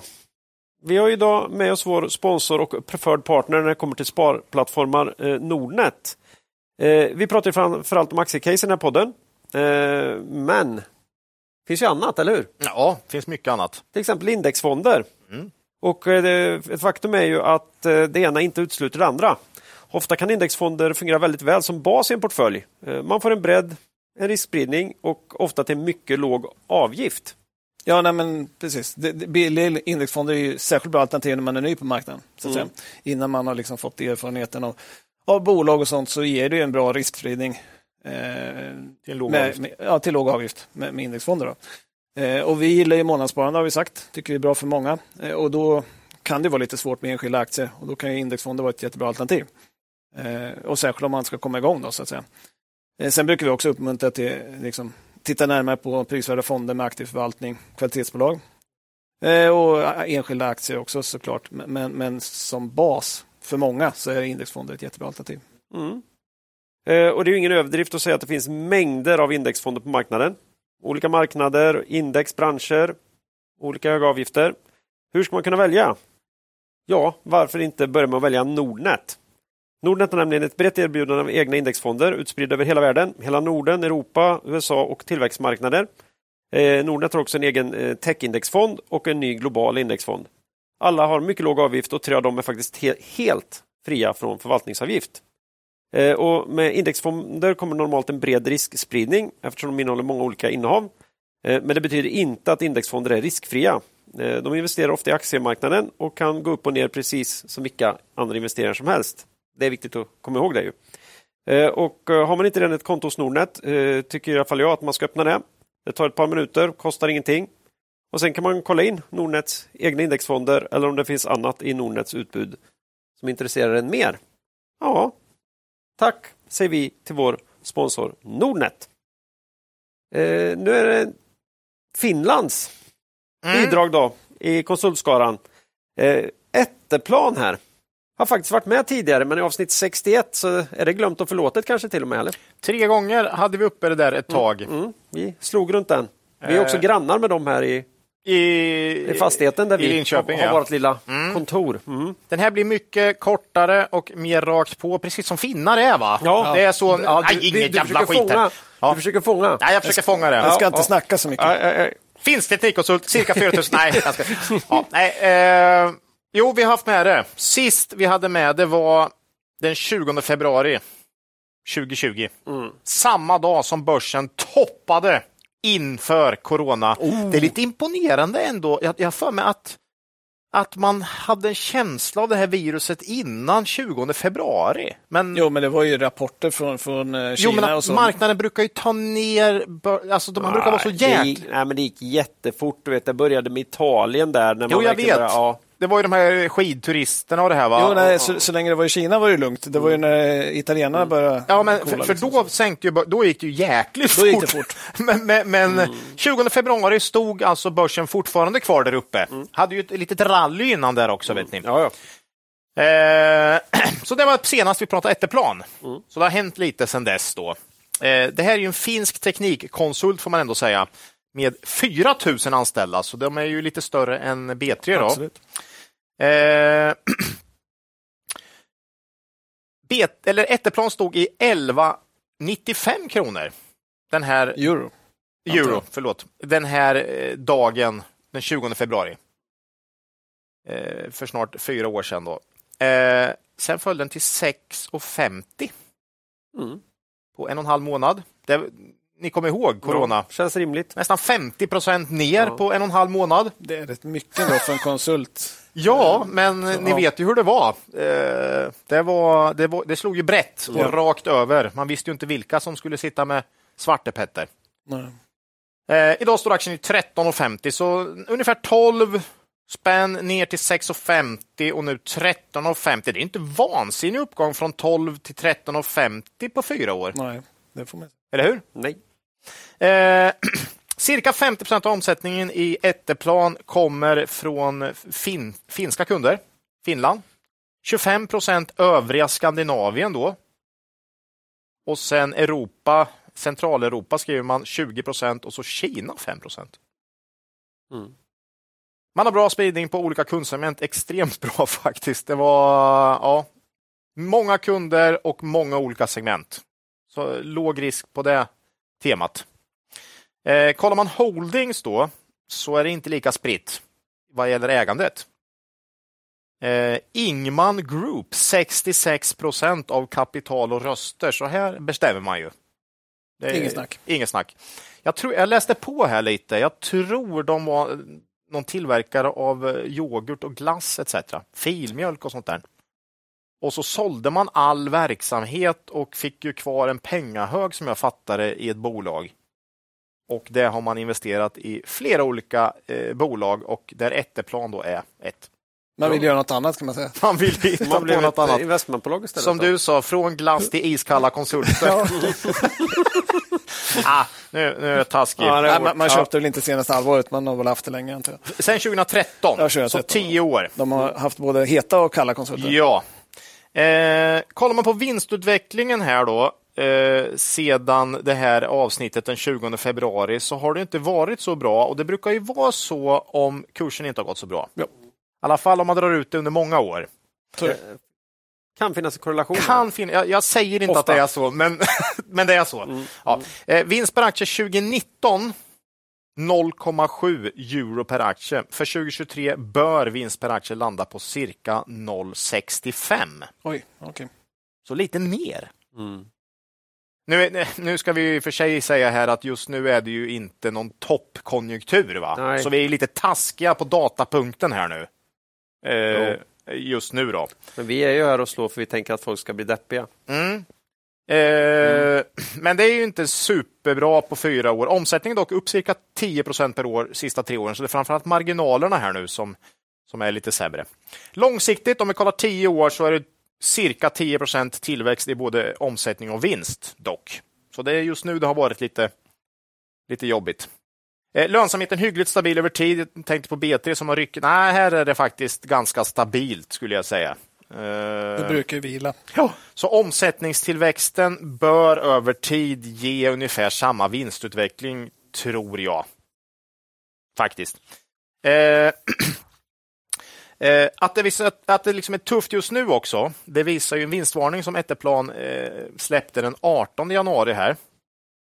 Eh, den kändes väntad. Eh, jag pratade ju mer om Etteplan innan här och då sa jag att jag inte riktigt trodde på den här prognosen för 2023. Mm.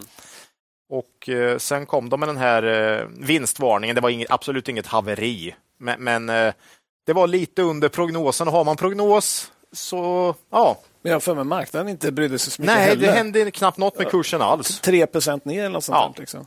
Så nej, men den prognosen såg lite tuff ut efter tre kvadrat, kvartal och har du bara ett kvartal, då, då vet du vad de tror om det sista. Mm. Och blir det inte så så. Mm.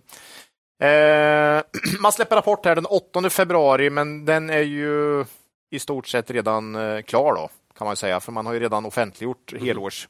Det är väl framåt? Det är framåt, exakt. Eh, enligt den här vinstvarningen så landar helårsomsättningen 2023 på 359 miljoner euro ebit på 25,4 miljoner euro och det bör ge, som jag sa, då, en vinst per aktie på ungefär 0,65 euro. Eh, 0,65 euro på kurs 13,50, P 21. Eh, jag tror ändå här att man kan öka vinsten under 2024 och det blir som du sa Marcus, väldigt intressant att se vilken prognos man lägger här. För, och, och det är lite intressant med de här bolagen som lämnar prognos. För kan ju nästan vara viktigare än just vinsten i Q4, då vad man säger om 2024. Mm. Ja, absolut. Eh, det blir väldigt intressant här. Eh, och jag tror man kan öka vinsten, eh, faktiskt. Och man har sedan länge haft ett långsiktigt finansiellt mål som är satta till och med 2024. Man satte 2019 tror jag, något sånt där. Eh, där säger man över 500 miljoner euro i omsättning. Det finns ingen eh, normalt funtad människa som kan tro på det där. ja, längre. Längre. För, det som ska hända 2024 då... Ah, jo, förresten, det är inklusive förvärv. Så man dammar till med ett rejält, då kan det gå. Mm. Men, men, organiskt eh, tycker jag det är helt uteslutet. Så vi får se. Mycket mm. spännande Nej, blir... med tanke på det också vad man lämnar för prognos. För lämnar man en prognos för 2024 som säger 400 eh, miljoner euro, mm. ja då säger man ju också att man inte tror på sina långa mål. Så det här... Mm. Samtidigt är det lite sämre tider så att i den branschen kanske går att hitta något att köpa. Kanske. Kan gå. Och då skulle man kunna komma upp dit, för det är ju bara 25 procent extra då. Man Vi får måste... se rapporten mm. helt enkelt. Ja. Eh, jag gissar på 0,75 i euro per aktie för 2024. Då har vi P18 ungefär. Eh, balansräkningen okej, okay. netto skulle ebitda 1,6. Så okej. Okay. Men många konsulter brukar faktiskt ha riktigt starka balansräkningar, ja, alltså, alltså nettokassa och så, så att eh, man har ju inte det. Nej, det hade ju Bovia och det skulle säga bättre när vi eh, bärsar om lite för checkräkningen. Det, alltså, det är fortfarande typ. det, det, är inte alls farligt. Nej. Nej, så här har man ändå lite nettoskuld. Eh, när jag sitter och kollar på det här, nej, men det är ett fint bolag, trummar på bra, men inget, inget överjävligt. Eh, bra långsiktig leverans. Men P18 på nästa år, 21 på historiskt, det är liksom svårt tycker jag ändå att, mm. att, att, att säga att man, ska, man, är intresserad, att jag ska vara intresserad av det. Det, det. det, tycker inte jag är tillräckligt billigt helt enkelt. Och kollar jag på historiken så kanske jag tycker 15, 16, kanske 17 max. Ja, då är du snäll. Ja, då är jag snäll. Ja och så nu 18 på nästa år. Mm, nej. Eh, tioårssnittet värdering 17-18 ungefär.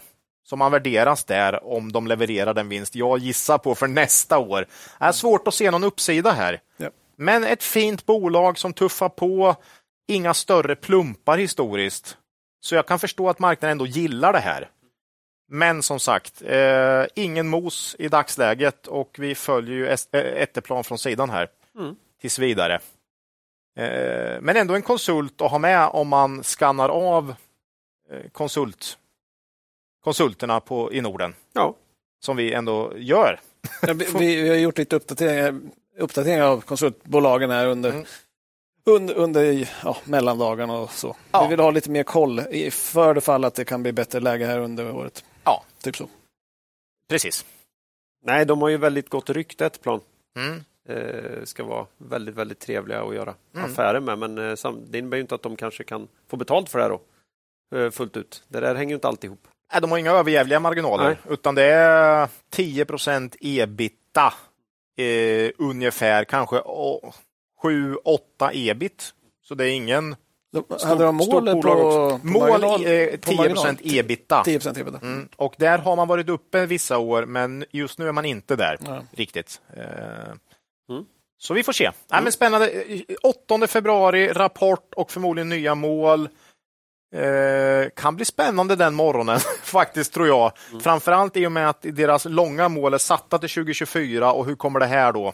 Jag, tycker det är lite extra på, på de här eh, som ger årsprognoser, mm, mm. alltså finska och danska bolag ja. och så. För då blir ju Q4 väldigt spännande när de ska säga något om nästa år. För första gången släpper de ju ofta då prognosen för nästa år. Ja. Så, så, så, att den blir spännande. Det är många sådana bolag. Jag kan tänka mig att det är extremt svårt just nu ja. med tanke på en marknad som är tuff.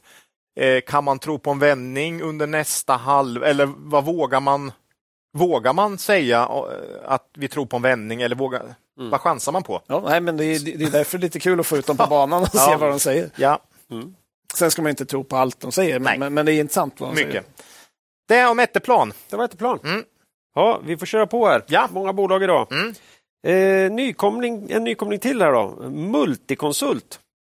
Det är ett norskt eh, konsultbolag. då. Mult ja, det, hör, det hörs ju på namnet. Mm, ja. De är inte bara konsulter, men multikonsulter. Mm. Du och jag har ju inte kunnat låta bli att gå omkring och säga Lilo Multipass här eh, sen några veckor tillbaka sen vi bestämde att vi skulle ta det här. Det, det är, är den här, det femte fifth, element. Fifth element, ja. Ja, just det. Lilo Supreme Being. Ja, just det. Ni som vet, ni vet. Ja, ja det här är ett norskt konsultbolag mm. eh, som främst verkar inom arkitektur, konstruktion och projektering mm. av allt från förskolor och sjukhus till vattenkraftverk, elnät, broar. Eh, de undersöker, designar, konstruerar och planerar, men de bygger inte själva här ska vi ha klart för oss. Nej. Stora projekt just nu är till exempel en, en enorm båttunnel i Norge och det nya akutsjukhuset i Växjö. Kanske inte lika konjunkturkänsligt som de här husbyggarna va? Ja, det finns lite grejer här. vet, vet vi vad båt, båttunneln ska vara? Ja, ja den, eh, det vet jag egentligen. Okay. Det lät, oh, lät väldigt spännande. Ja, men det, är, det är en stad som ligger, du vet, de har ju sina vikar där och så för, ja. kan man ge... Fjord, ge, ja, fjord fjordar, förlåt. För fan, ja, Den heter ju något sånt här roligt. klippa. Ja, nej. Ja. Den heter som ett svenskt ord, stan. Okay. Staden stad. Okay. Staden stad. Nej, jag kommer inte okay. ihåg vad den heter. Mm. Ja, vi får ta det nästa. Byn, byn. Det lät, det lät coolt i alla fall. Ja, ja, den är frän. Det är helt sjukt. Verkligen en jätteurgröpning de ska göra i berget där. Ja. Eh, eh, bolaget har idag cirka 3700 anställda. Ja, som Etteplan ungefär. Då. Mm. Ja. Och 500 av de här jobbar på det helägda dotterbolaget Link Arkitektur. Mm. Okay. Eh, de har 500 eh, medarbetare som sagt Norge, Sverige och Danmark. Link Arkitektur alltså. Eh, Multiconsult då, de har växt omsättningen med i snitt 10% per år de senaste 10 åren. Och det har skett både organiskt och via förvärv. Det är där de ligger de här ja. bolagen. Vi. Ja, de vill ligga där uppenbarligen. Mm. Senast gjorde de eh, till exempel två mindre förvärv i Sverige av nya eh, projekteringskonsulter inom eh, VA och stadsbyggnad. Men, men håller man marginalen och växer 10 omsättning så har man 10 vinsttillväxt. Det är ju bra, det är vad vi många ja. gånger söker. Liksom. Och det var, lite här, ja. det var lite här jag skulle återkoppla till det, just det här med arkitek arkitekter har det inte jättekul just nu, Nej, nästan för... oavsett inom vilket område Nej, jag de är. Det. Men jag tänker ändå mm. de här samhälls... Ja. Byggnads... Det är nog inte en slump att de passar på att köpa VA och samhällsbyggnader nu och de är ju alltså jätteinriktade mot miljö mm. och jobbar jättemycket med att hjälpa till med miljörapportering men även att förbereda företag för klimatutmaningar och så. Men är det inte du som har sagt någon gång Claes att miljö är bara viktigt om man har råd med det? Ja, Annars det blir ju så. Man ja, men, nej, men, lite, nej, men de här ja. företagen, som, ja, har man inga pengar då kan man inte... Nej. Mm. Är, det, är det dåliga tider, ja, då har vi inte råd att köpa den här nej. Eh, finare reningen än precis det som myndigheterna kräver. Ja. Och, och, när det går skitbra har man ju inte tid med det. Nej. För då producerar vi och okay. säljer ja, det var, saker. Det var så illa ja, till och med. Så att det, det, det finns inget läge. Nej, okay. utan, och det är därför vi behöver myndigheter. Mm. ska aldrig någonsin tro att, att ett organisationsnummer kommer göra någonting gott om inte de tjänar pengar på det. Ja, Den som går omkring och tror det är helt det, tappad. Det är ju på något sätt ändå en kapital galet liberal. En kapital... Mm. Eh... Om det är ett aktiebolag så är väl i och för sig målet att de ska tjäna pengar. Ja, ja så. så. det är ju det som är mm. deras uppgift. Men det finns många människor som går omkring och tror att bolag har, kan vara goda så att säga inombords. Men det här VVS och sånt måste ju finnas ganska stora behov eh, liksom ja, framåt och så, så att mm. de borde kunna ha att göra det. Kan det ska jag säga, om vi ska dela in bolag i, i, i, I dåliga och onda. och goda och onda, då är Multiconsult ett gott bolag. Okej, okay. jag tänker lite, lite uh, rymdimperiet slå tillbaka. Ja. Det är Stormtroopers mot uh, evoker och sådär. Ja, mm. då är de evokerna. Okej, okay. mm. härligt. Ja, eh, jag upplever att det här bolaget verkligen vill vara transparent i sin rapportering mm. och lämnar ut alla nyckeluppgifter som i vart fall jag letar efter när jag tittar på konsultbolag. Eh, antal anställda och eh, numera till och med det här ännu mer specificerade måttet FTE. Vet ni vad det är? Full-time employee antar jag? Uh, full-time equivalents eller fulltidsekvivalenter. Ekvivalenser ah. så, att, så att du räknar verkligen Det hade du fått många... rätt för. På min, på min tenta hade du fått rätt Macke. Ja. Du är snäll, Claes ja, hade fått fel av. Ja, du hade fått rätt. Mm. Och jag tror att det här är ett bolag där du gärna får vara föräldraledig till exempel och du uppmanas att ha en bra balans mellan arbete och fritid och så här. Mm. Eh, de har eh, orderingång, order backlog, eh, som de redovisar noga. Tyvärr då, med debiteringsgraden har också? Ja, ja, ja. Sa jag inte det? Eh, ja, jag har för stort manus här. Nej, men debiteringsgrad är ju något som, som inte alla konsulter har, men nej. vi skulle gärna se att alla hade det. Faktiskt. viktigt ja, mått. Ja, alltså. jag menar mm. det. Nej, nej, det, det såg man ju i B3, liksom. det var debiteringsgraden som, mm. som styrde väldigt mycket. Eh, tack för att du hjälpte mm. till här. Eh, det de inte då förklarar så bra, det är ju att man jobbar med nettoomsättning istället för bruttoomsättning. Och nettoomsättningen här är omsättningen minus kostnaden för externa konsulter. Mm. Eh, jag, ja, tänkte, vid... jag tänkte vara moms. Nej, Nej och alltså vidarebefordrade uppdrag mm, som, som då Multiconsult tar in men som sen, sin tur då det är en massa sådana underkonsulter, det har ju en massa ja. andra bolag också, ja. men här krånglar man ju till ja. det. Mm. Och, eh, och det här, hade det här varit obefintligt så hade det kanske inte gjort så mycket, men det här alltså utgör 12 till 15 procent på senare, de senaste åren mm. och 10 till 15 procent av, av den verkliga omsättningen över lång tid. Jag har frågat bolaget eh, varför det är rimligt att ta bort den här delen av omsättningen. Men jag får inget klargörande svar utan jag får besked om hur, alltså vad man gör. Mm. Men inte varför det är rimligt att göra det här. Aha.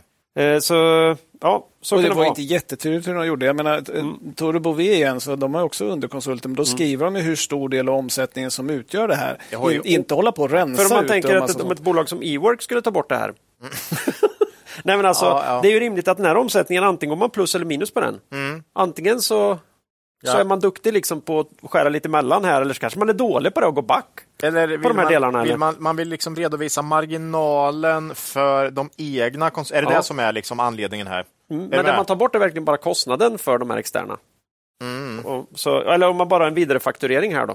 Jag vet inte, det, det här vet vi inte. Det vore verkligen kul att veta hur det funkar. Eh, och så är det ju att alla relevanta nyckeltal här mäts ju mot den här nettot. Mm. Ja. Så, så vad man än tittar på här så är det nettoomsättningen ja. du, du tittar på. Ja. Förutom just orderingången, orderstocken. Det är brutto. Den mäts ju brutto, för de kränger ju ändå hela affärer så att säga. va? Eh, och, och, därför är ju alltså den här orderstocken man visar upp, den är ju minst 10, 10 15 procent för stor. Då. Mm. För den har ju egentligen då ingenting med Nej, multikonsult att göra. Nej. Så det här är lite, det här är lite skumt. Eh, och eh, bolaget rapporterar också gärna sitt ebita-resultat och sin ebita-marginal. Fast det finansiella målet då, det är uttryckt i ebit-marginal. Sånt är lite jobbigt när man, mm. man har olika, liksom, kommunikationen är inte samma på mål och där man håller fram i rapporter. Och sånt. Nej. Eh, och målen är för övrigt växa nettoomsättningen 8 10% per år, organiskt och med förvärv, och en ebit-marginal över 10 och sen vill man ha en räntebärande nettoskuld genom ebitda, att den ska vara under 2,5 procent över tid. 2,5 gånger? Fem gånger ja. över tid. Ja. Men man kan tänka sig att den här kan få sticka iväg en del om man gör betydande förvärv. Under en 18 månaders period så får den mm. över, överstiga det här om man har gjort ett betydande förvärv. Eh, och eh, det har man gjort över tid. Alltså kanske inte stuckit iväg för långt i sin skuldsättning, men man har gjort mycket förvärv. Och eh, det har man behövt då för att ha en chans att växa enligt, enligt målet. Mm. Eh, historiskt. Men de senaste åren så har man klarat sig ganska bra organiskt. Och jag tror att inflationen har hjälpt till här lite grann. Och möjligen också den svaga norska kronan. Jag vet inte, men å andra sidan, eh, vi kommer till det, så är ju det här bolaget i huvudsak i Norge. Mm. Ja, men, men många av de norska kunderna, mm. oljeindustrin och så, har ju verksamhet utanför Norge. Mm. Så jag, jag, vet inte riktigt varför man har kunnat växa så bra organiskt. Här. Ja, timpriserna i Bouvet var ju upp ganska mm. kraftigt mm. där mm. också. Ja, såg vi av och till. Ja. Men absolut största geografi är i alla fall Norge. Mm. Om man tittar på liksom var, var sitter konsulterna. Då. Eh, och man redovisar verksamheten nedbruten i segment. Och det är en blandning av stora verksamheter och geografi. Och eh, I omsättningsstorlekar så är det först Region Norge, 40 procent av omsättningen. Och då är det nettoomsättning vi pratar här. Då. Mm. Region Oslo 38 procent. Eh, arkitektur då, som en egen, mm. 15 procent. Det här är ju Link Arkitektur och något som heter Alab eh, som man precis har förvärvat utgör det. Och sen 7 procent International. Eh, nu har jag inte gjort det här man ska, jag skulle ha räknat ihop det här. Jag slog det. Ja, jag tänker det blir 100 Blir det 101 så ja, gör det, det, så. det är inte nej, hela världen. Och International är, är, lite svensk och polsk verksamhet i huvudsak. Okay.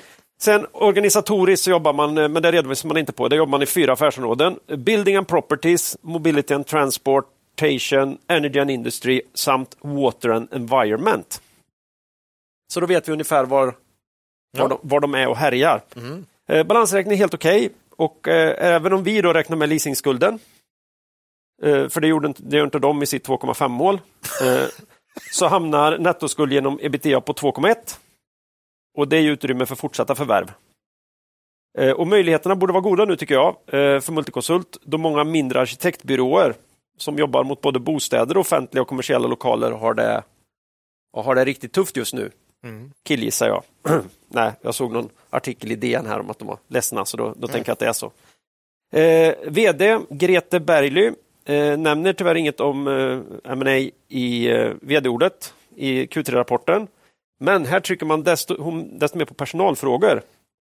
Eh, där hon dels berättar att bolaget tagit in många nyexade medarbetare under kvartalet här, alltså Q3-kvartalet. Eh, och eh, det är för att möta upp det, man har en rejäl order backlog. Jag kommer, mm. återkommer till den. Och sen ska man fortsätta att satsa på att informera medarbetarna om värdet av att själva äga aktier i bolaget. Och det kommer vi också kanske förstå varför. För tittar vi i holding ser vi att största ägare i Multiconsult är den egna personalstiftelsen som har 22 procent av mm aktierna och är absolut störst här. Spännande. Uh, VD uppger att eh, 18 procent av aktierna ägs av anställda, så då misstänker jag att antingen så äger, är det så här att bolaget köper upp aktier här för att på något sätt fördela ut i den här stiftelsen. Mm. Så de här, de här sista 4 procenten ägs väl helt enkelt av bolaget eller av pensionerade mm. medarbetare. Då. Men det är ju så det är en stake här och att man jobbar aktivt med att personalen ska vara ägare Intressant. i bolaget. Då. Mm. Eh, och det är ett tydligt uttalat mål. Eh, bolaget får också jättehöga betyg från de anställda vid sådana här återkommande medarbetarundersökningar. Det är ju bra. Men då är frågan, hur går det för de här nöjda medarbetarna när de mm. jobbar? då? Ja. Vad, vad åstadkommer de? de kanske Mer mest... än att vara nöjda. ja, eh, och senaste rapporten för Q3 kom in bra på omsättning, men svag på resultatet. Okej. Okay. Mm. Eh, flera orsaker då går att skönja till den här urusla marginalen i kvartalet. VD lyfter fram eh, en mindre arbetsdag. Okej. Okay. Mm. Ja. Eh, och att bolaget nyanställt många juniora medarbetare som jag sa. I, i segmentöversikten här, för det här är transparent, segmentsöversikten, ser man att segmentet arkitektur gått jättesvagt. Och, och man har ökat omsättning med 31 procent via förvärvet av A-lab, så jag har svårt att se hur har liksom det här gamla Link gått. Mm. Men samtidigt gjort ett minusresultat på 10 miljoner ebita. Uh, och trots då att omsättningen hölls uppe här i hela bolaget och beläggningsgraden kom in på skapliga eh, 67,8 procent. Och det kanske inte är jättehögt för alla konsulter, Nej. men det är inte alls dåligt för Multikonsult. konsult. Eller? Okay. Det, är, det är inte långt ifrån de här 71 de kanske vill ha. Eh, för det här är ju Q3, så det är semesterkvartalet. Ja. Då ska det vara lägre.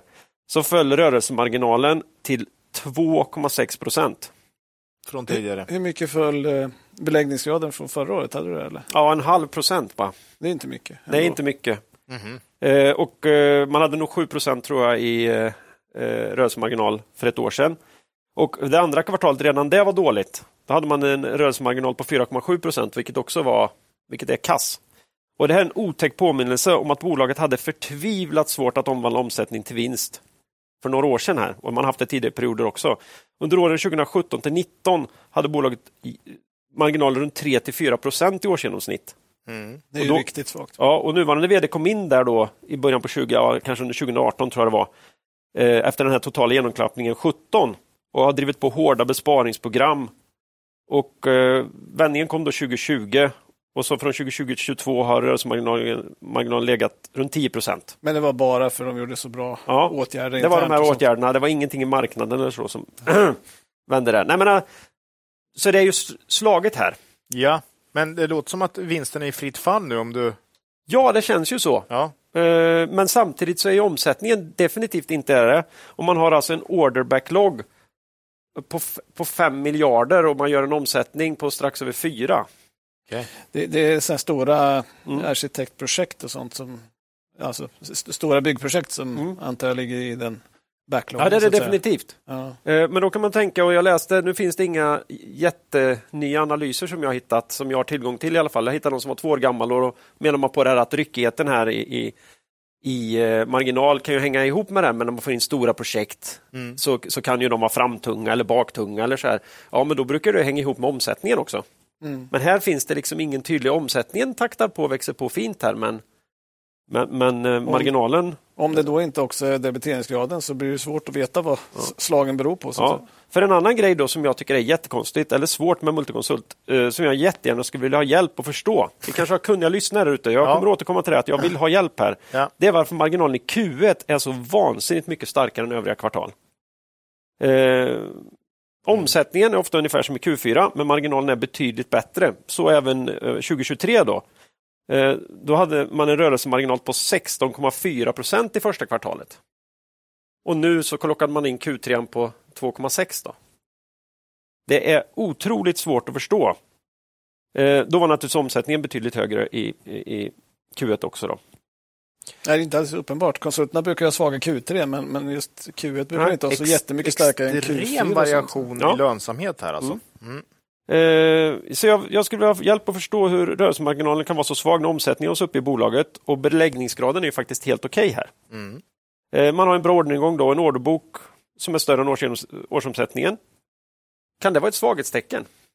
Kan det vara så att man skulle inte vilja ha en sån här stor order, orderbok? Man klarar inte av att leverera på den helt enkelt. Har man fel typ av anställda? Av anställda? Eh, jag vet inte. Eh, det, det jag vet med 100% säkerhet är att jag klarar inte av att gissa framtiden för Multiconsult.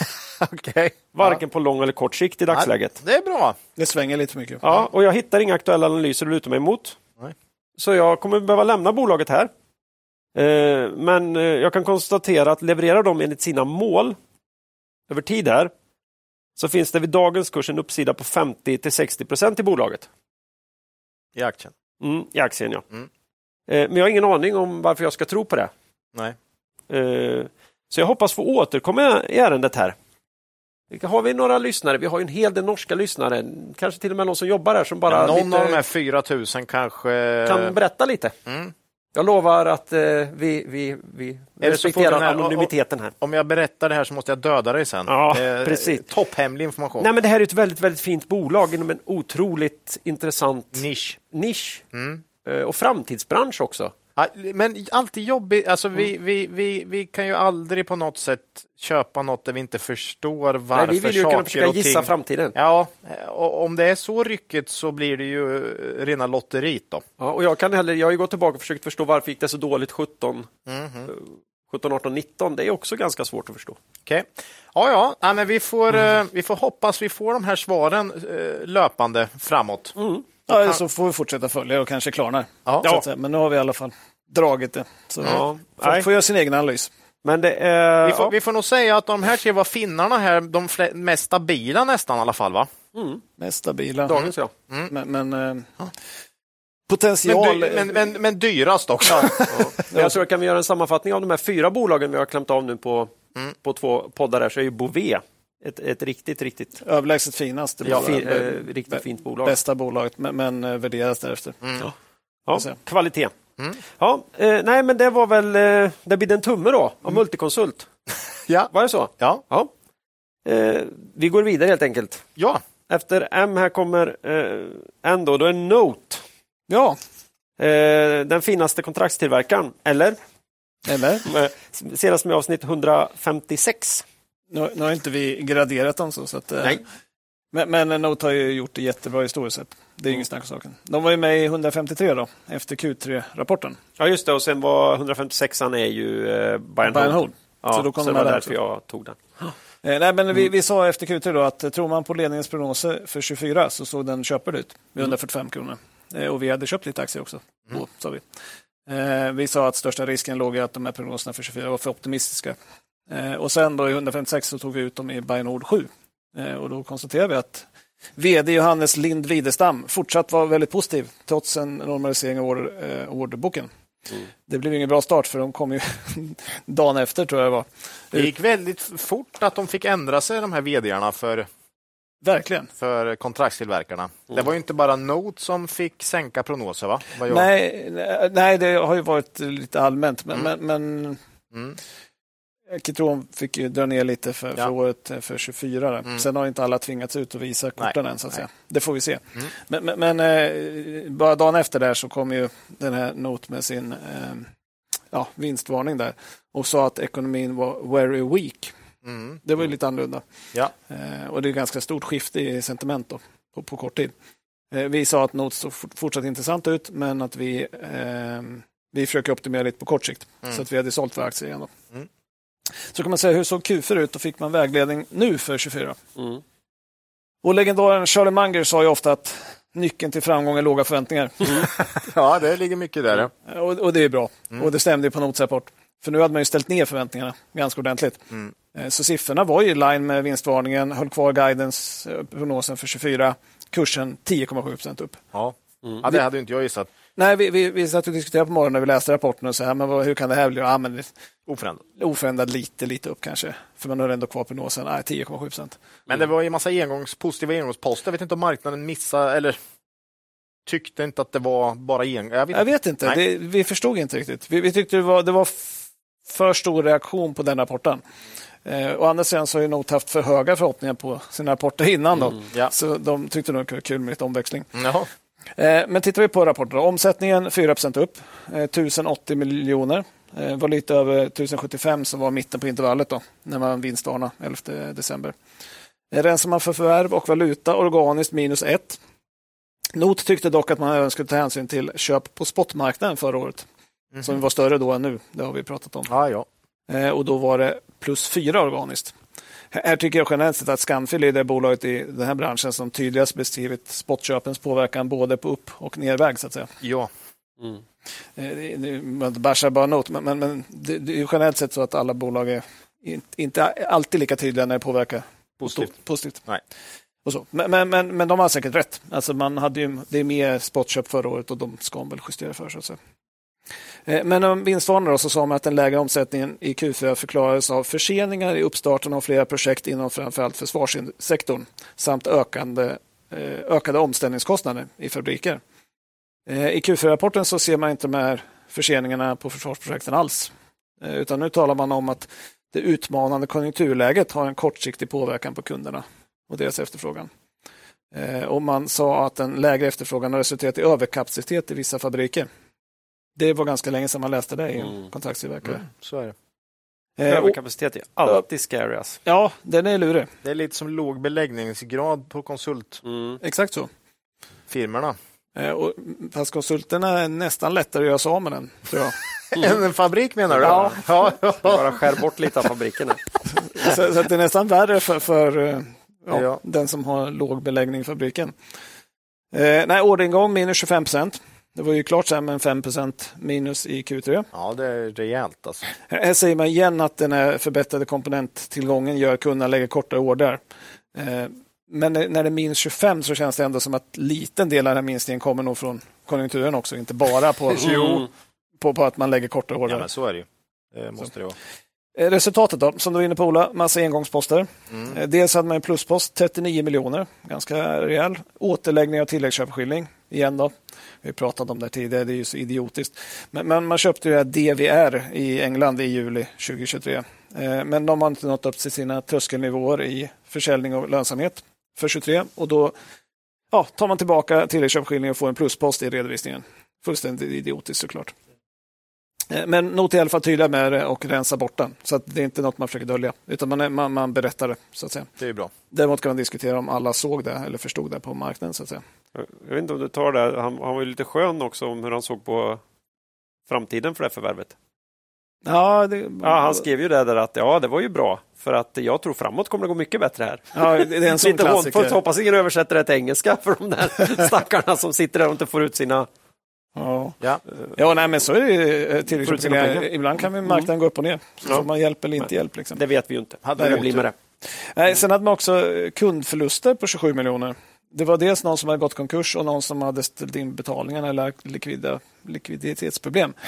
Det är ju någonting som i en lågkonjunktur kan återkomma. Ja.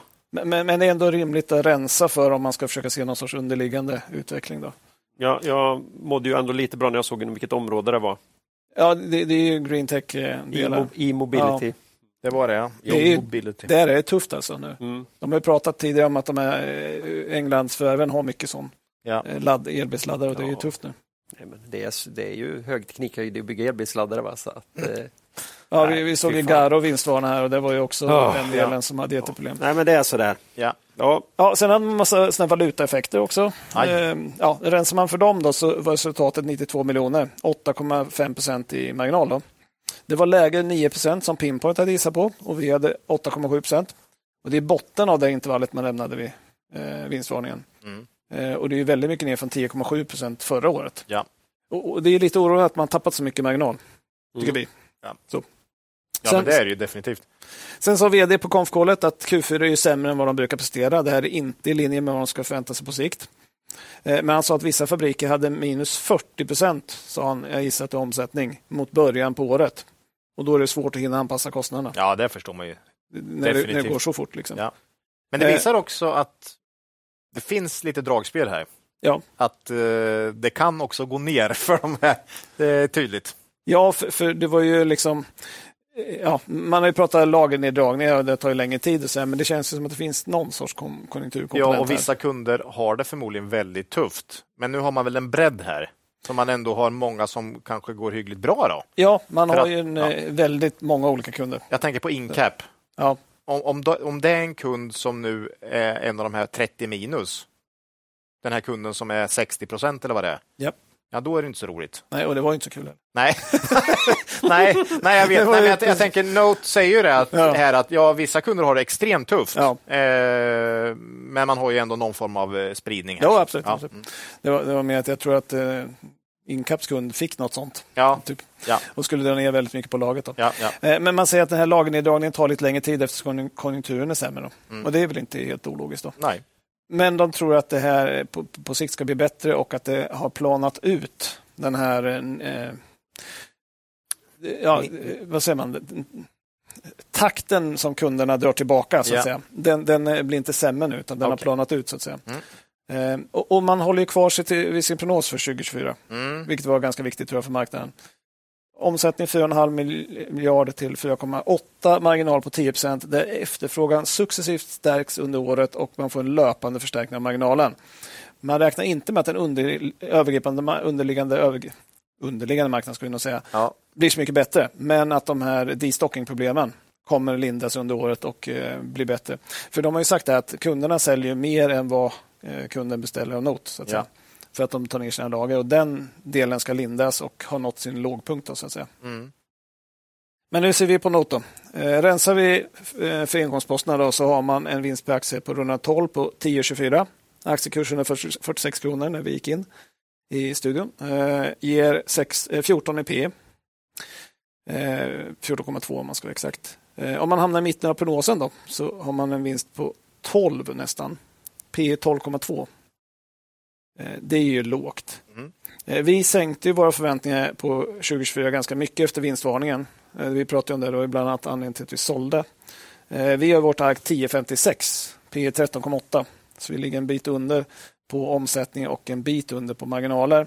Vi har svårt att se att man kan kompensera de här lägre marginalerna under första halvåret med så pass mycket högre under andra halvåret för att komma upp i 10 totalt. Det ska bli jäkligt bra andra halvåret ja. och det kan det ju bli. Eh, men, men och, och, dessutom marknaden, på något sätt tyckte jag kursreaktionen ändå visade på ett förtroende här. Ja, Eller? jo absolut, och att det inte blev värre. Eh, ja, liksom. precis, men, ifrån, ja. men ändå ett förtroende också att för jag tänkte att förtroendet var lite skadat ja.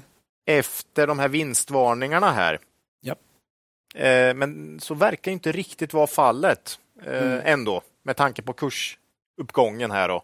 Ja, nej, precis. Och jag, jag, tycker att det var lite mer positiva tongångar också ja. från vd. Okay. Det var lite stukat i, förra. Ja, ja. Eh, jag såg en intervju med Inderes där, där de intervjuade honom mm. och det, det, var ganska positiva tongångar, ja. tycker jag ändå.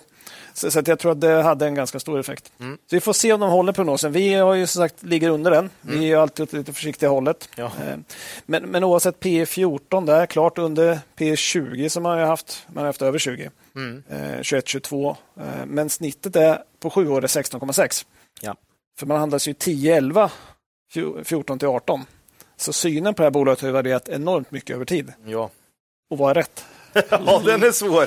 Och då skickar ni ett mejl till oss och berättar det. Ja. Nej, men eh, ja, vi, vi, tycker man ska ha en högre värdering än den här 10-11, mm. garanterat. Ja. För, för, att man är ett bättre bolag, eh, tror vi.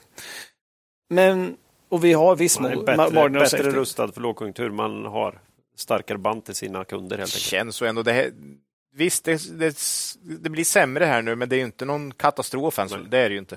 Nej, Nej men så, och, och vi, vi, ser viss margin of safety, men inte riktigt tillräckligt för att vi ska köpa det här. Plus Nej. att vi är lite osäkra. Mm. Och, och vi, vi, tror att prognosen kanske, ja, vi, vi, tror att man får lite svårt med den. Mm. Eh, så vi, vi sålde våra aktier, vi avvaktar. Mm. Eh, vi är också lite oroade här med att man tappar så mycket marginal på lågt kapacitetsutnyttjande. Och, och, när du får en problematik som kommer av och det är egentligen 10 000 kronors frågan. Är problematiken bara på destocking eller är det också konjunktur? Mm. För konjunktur brukar inte vända riktigt så snabbt som mm. liksom en sån coronabotten, att det går ner upp. Eh, om, om det är konjunktur så brukar det ta lite längre tid. Så att säga. Det blir oerhört spännande. Framförallt lyckas man upp marginal andra halvåret 2024. Ja. Den, och, och den ska ju upp ganska rejält då, om det ska vara 10 i snitt. Då. Verkligen. Och, och kan man då få, få liksom, robukt med överkapaciteten? För det var länge sedan man läste ordet överkapacitet i en ja. kontraktstillverkarrapport. Mm. Fanns, var det inte lite blankat här? Jo, det har kommit lite tror jag. Så jag vet inte om det var något sånt att de täckte eller något. Jag vet inte. Mm. Ja, nej, jag för mig. Mm. Så att, nej, vi får se. Vi, vi avvaktar ett tag mm. till. Ja. Ehm, jag har lite i pensionsväskan för att ligga kvar där. Mm. Eh, jag, jag, tycker för den som är riktigt långsiktig, det ändras ingenting av Q4-rapporten. Nej, och vi har ju med den i vår buy and hold ja, och, det och tycker, tycker det är ett bra långsiktigt bolag att äga. Ja, det kan den absolut ligga ja. kvar utan något som helst problem. Ja. Men, men, på kort sikt så är det ganska osäkert ändå. Ja. Och 10,7 procent upp tyckte vi nog var lite överdrivet. Mm. Ja, det var bra betalt på den rapporten. Men det kan vara det här med förväntningar. Ja, ja men, exakt. Ja. Ja. Mm. mm. Det, det, var helt andra förväntningar inför den här rapporten. Mm. Det, var, det var Note. Det var Note. Note. Ja. Eh, vi har idag återigen glädjen att ha med oss vår sponsor Privata Affärer. Kul! Ja, I juni 2023 lanserades nya privataffärer.se som man hört om i podden förut. Det är en helt ny sajt med bland annat Sveriges bästa börstjänst för småsparare och aktiva investerare. Och eh, sajten har successivt uppdaterats med fler spännande funktioner och verktyg som ger användaren fullständig marknadsöversikt och verktyg för att fatta bättre investeringsbeslut. Mm. Hög nyhetspuls här, den består. Snabba uppdateringar av allt som händer på aktiemarknaden. Eh, samt nyheter kring sånt som eh, påverkar plånboken och portföljen. Även eh, förutom det här nya utseendet då, så har man även höjt tempot eh, när det gäller rådgivande material på sajten. Prenumeranter får dagligen konkreta råd när det gäller bolån, bostad, försäkringar, skatter, pension och kan läsa analyser av de hetaste aktierna och fonderna. Och eh, man kan söka efter tusentals aktier på svenska, norska, danska och finska marknaden. Man kan söka på omkring 2500 fonder Oj. på den svenska marknaden. Eh, utifrån egenskaper som risk, avgifter och avkastning. Man har kvar det här populära portföljverktyget, men nu i två olika versioner. Klassiska som fungerar som på den gamla sajten och ett nytt med mer avancerade funktioner och grafer med mer. Och sen har de faktiskt någonting för mackar också. Mm -hmm. eh, nya börssidor, de nya börssidorna har även omfattande verktyg för teknisk analys. Äntligen! Eh, bland annat en screener för investeringar. Man kan se aktier, index, råvaror och valutor i ett större perspektiv. Och kombinera kursinformation och olika värden för att identifiera intressanta investeringsmöjligheter. Tekniskt alltså. Mm. Mm. Och eh, Som prenumerant får man full tillgång till allt det här materialet på privataffärer.se Samt eh, två tidningar digitalt, då, e-tidningar här då, till priset av en.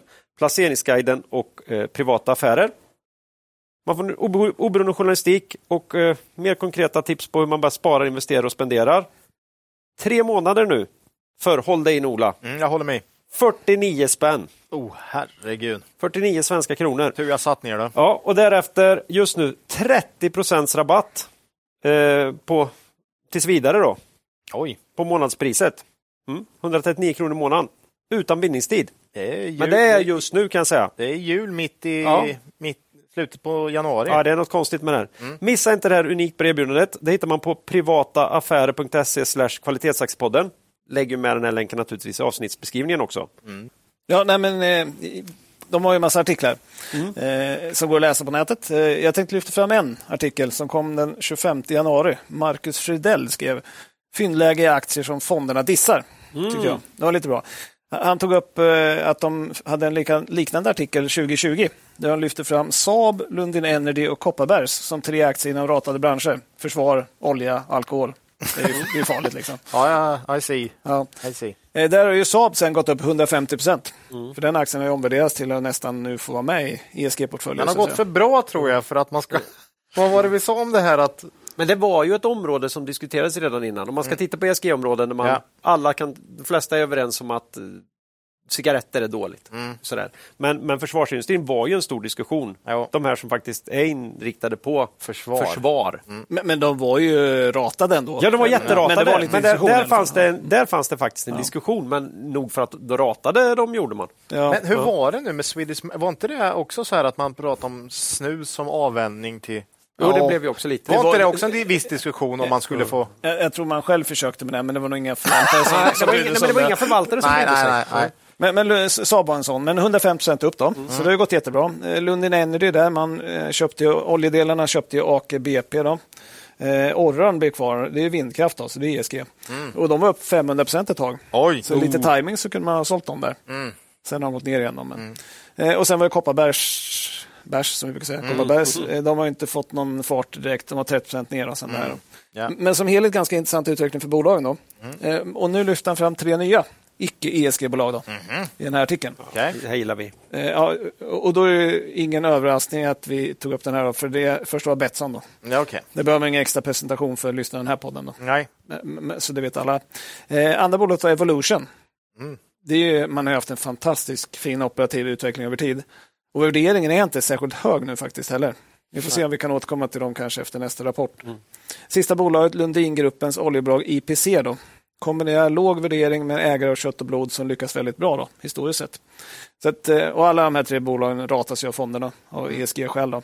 Och då skrev han att det kan vara intressant att se vad de här kan avkasta framåt. Då. Lite med referens till den gamla portföljen. Då, så att säga.